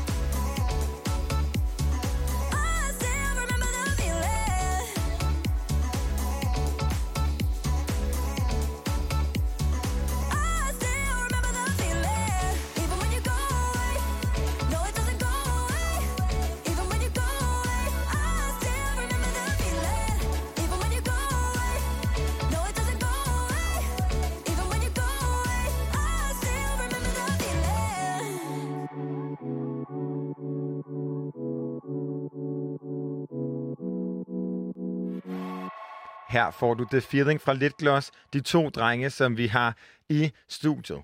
Goddag, har I det stadig godt? Vi har det simpelthen så lækkert. Hvad, hvad er. The Feeling lige nu? Ej, jeg The feeling er øh, lidt, træ, lidt træthed, vil jeg sige, for mit vedkommende. Lidt mandags. Okay. Mandags træt. Lidt for meget Mandag. fest. Er stadig jetlag? Søndagsfest derovre. Nej, nej, nej, nej, ikke søndagsfest, hvis jeg, jeg har lidt, jeg er lidt uh, tømmermænd stadigvæk, tror jeg, Nå. efter... Okay. Øh, Så opererer man jo med anden dags tømmermænd. det er jo Ja, det, når man, ja, ja. når Ja, man vi bliver er over blevet- 25, så er det slut. Ja, ja. Så er det tre dage, slut. hvis man er rigtig gammel. Vi Det er fik det. jo lige uh, The Feeling, som lyder som en ægte sommerbanger. Hvordan var processen, da I lavede det her nummer? Jamen altså, vi, øh, vi havde en session i, i Glendale, sidst vi var i, i LA for at skrive sange. Første dag, så kom vi ud, så mødtes vi med to piger. En, der hed Jordan, og en, der hed Elizabeth. Og så spillede vi dem nogle sange, vi havde lavet, så de kunne sådan, komme ind i den vibe, vi, vi gerne vil have, der kører. Og så gik vi i gang med at lave noget musik, mens at de ligesom begyndte at snakke nogle temaer og finde ud af, hvor man kunne tage den her sang hen. Så, så skrev de sangen, og så indspillede vi det, og så, Ja tog vi hjem. Det var faktisk super, super hurtig session, faktisk. Jeg tror, vi brugte måske... Ja, hvad brugte vi? 3-4 timer, eller sådan noget i den dur, og så var vi færdige. Med, og, og så har vi så lavet en masse postproduktion på det efterfølgende, men altså... Det går ret Men hurtigt. grund- fundamentet set. var på- Fundamentet Ja. var der, teksten Wow. var der, vokalerne var der. Vi har ikke indspillet noget af det om. Jo, en lille linje, vi lige har indspillet om og fået sendt fra Jordan. Så men ellers så var den der sgu egentlig ret hurtigt. Nu kan jeg ikke lade være med at spørge, hvad er de mest centrale tommelfingerregler, når man laver sådan en uh, sommerbanger? De mest centrale, det er jo klart good vibes i studiet. Det skal der være. Måske en lille øl. Vi Yes. drikker faktisk aldrig i studiet, men lige der kan man godt, fordi det skal være en sommer. Så skulle man lige tage en lille coronaøl eller et eller andet.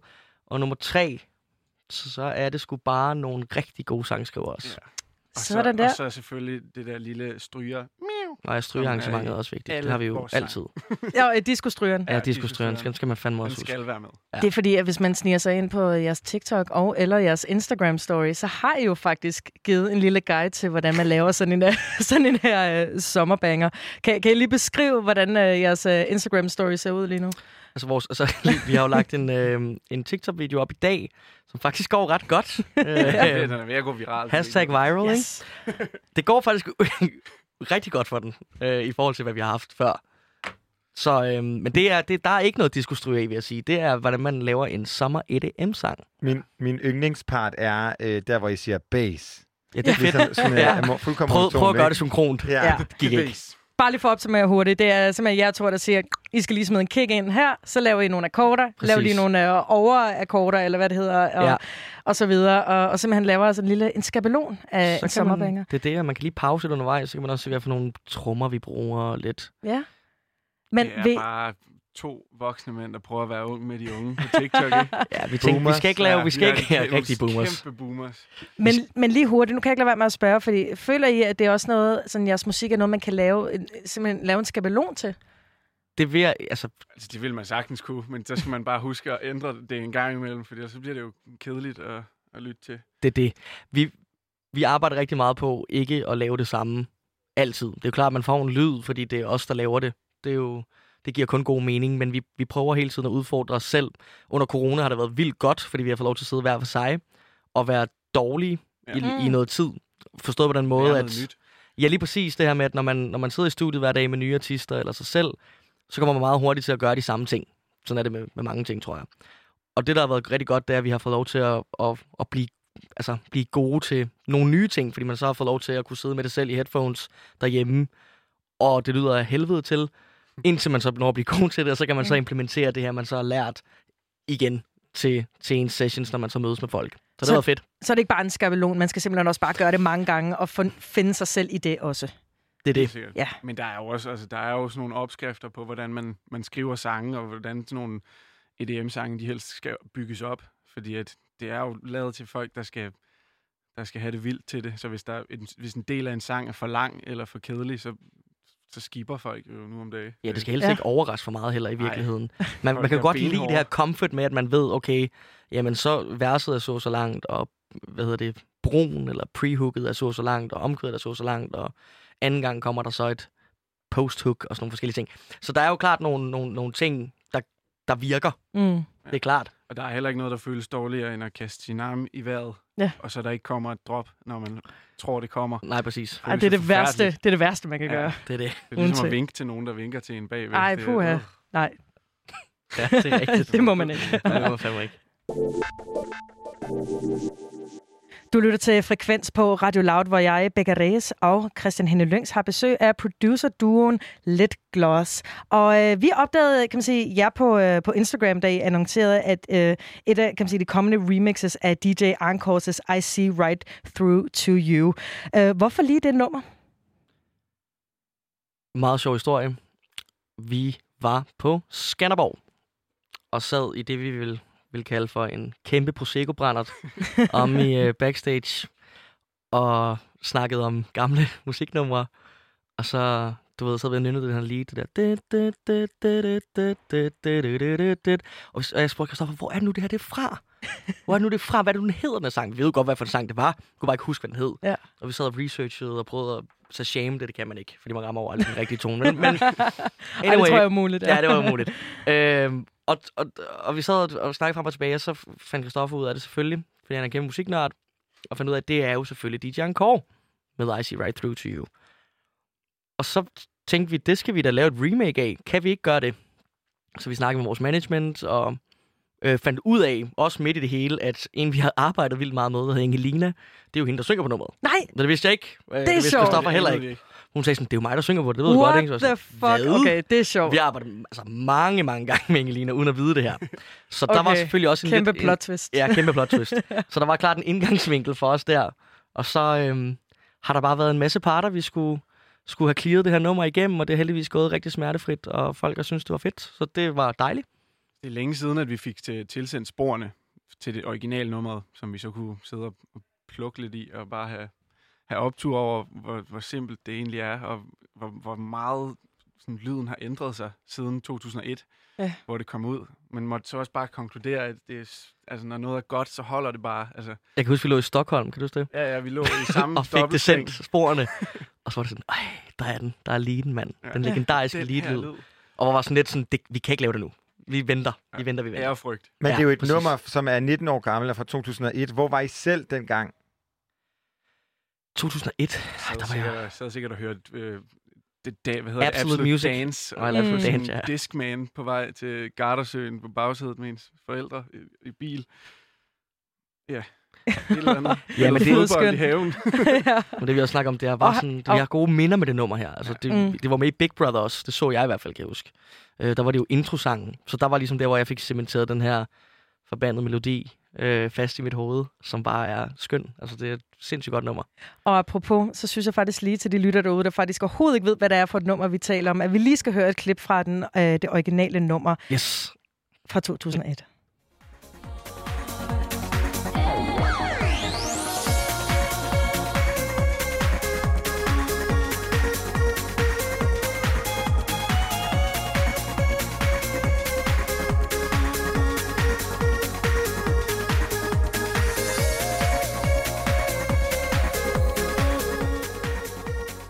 Det er jo en uh, sikker vinder på hvilken som helst uh, dansegulv, og uh, inden at vi uh, skal lytte til jeres udgave, som jo uh, udkom i fredags af det her nummer, så er jeg nødt til at høre, nu har jeg jo lyttet til jeres udgave et par gange, og der er det her det ikoniske stykke med, som var det, du kunne huske, jo ikke med.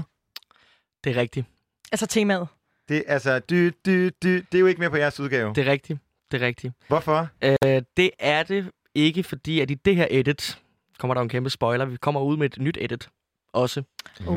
Kommer to Øh, så kommer to udgaver. Og her har vi prøvet at ramme det her Sunrise Edit, som er sådan lidt mere lidt hygge på Ibiza, eller lidt hygge et eller andet andet sted, hvor man lige sidder og får nogle kolde drinks, og der er lidt mere, det er lidt langsommere end det originale nummer. Det går jo 140 bpm, og vi har jo taget det ned til 112 bpm i det her mix her. Og hvis man lytter lidt, så er der jo efter omkvædet faktisk, øh, den her lead er der lidt stadig. Den er spillet på spansk guitar, øh, selve leaden. Vi har interpoleret Vi har interpoleret det. Så det er, det er der, men det er, der, det er ikke i sin oprindelige stand. Og øh, med de ord, så synes jeg, vi skal høre det. Her kommer DJ Encores I See Right Through To You i et remix af Lit Gloss.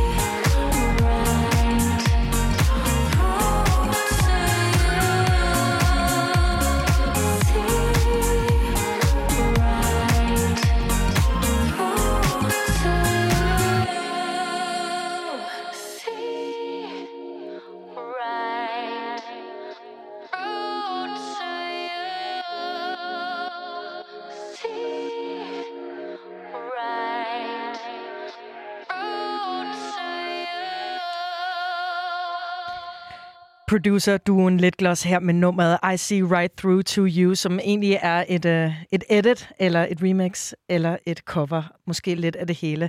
Uh, det oprindelige nummer er samme titel med DJ Encore. De her, det lyder jo fænomenalt. Og vi har øh, virkelig haft optog over det her på øh, redaktionen, og, øh, og man kan bare ikke lade være med at tænke, det her nummer, det originale i hvert fald, det er jo et, alle kender. Er der en eller anden sådan angstprovokerende følelse af at røre ved noget, som, som al, alle kender i forvejen? Altså ja, det er der da. Men man, vi, vi, vi har jo tjekket med dem løbende, dem der har lavet det, så vi føler, vi har, vi har lavet en, øh, en respektfuld version af, af nummeret, som vi godt kan stå inden for.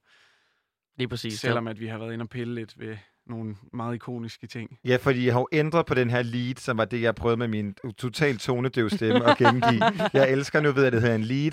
Øhm, hvordan reagerede de på det, da I siger, at det kommer i en spansk guitarudgave, og ikke... Jamen, der har faktisk ikke været så meget sådan togtrækkeri. Altså, de har bare synes det var fedt fra starten af. Øh, faktisk alle de edits, vi har sendt frem og tilbage, og, og vi f- havde bare en god følelse i maven med, med det her edit, som, som spænder lidt, hvad kan man sige, bedre i, i, i tråd, som man siger, og går lidt hånd, mere hånd i hånd med, med, med den lyd, som vi har. Øhm, så, så, så vi har været heldige, at der har været god, god feedback Ja. fra start. Og I kalder det et sunrise edit. Hvad betyder Et det? sunrise edit. Men det er jo bare et uh, solen står op edit. Altså, det er Ja. lidt hygge. Det er sådan, hvor at man kommer op i gear igen. Du er ikke på klubben, Man kan stige op sammen med nummeret og ja. komme i gang, uden at det er for hårdt. Smukt. På øh, 10 sekunder hver, hvis I skulle sige et, øh, en kunstner, som I vil drømme om remixet jeres musik, hvem skulle det så være? Vi starter med Christoffer. Jeg kunne sindssygt godt tænke mig at få et Purple Disco Machine remix af et af vores numre. Altså kongen af, af Disco House, som er den genre, vi bevæger os indenfor. Så går jeg sgu nok lidt mere brohouse på den og siger, at jeg kunne godt tænke mig et mix fra Chris Lake eller Fisher. Sådan der.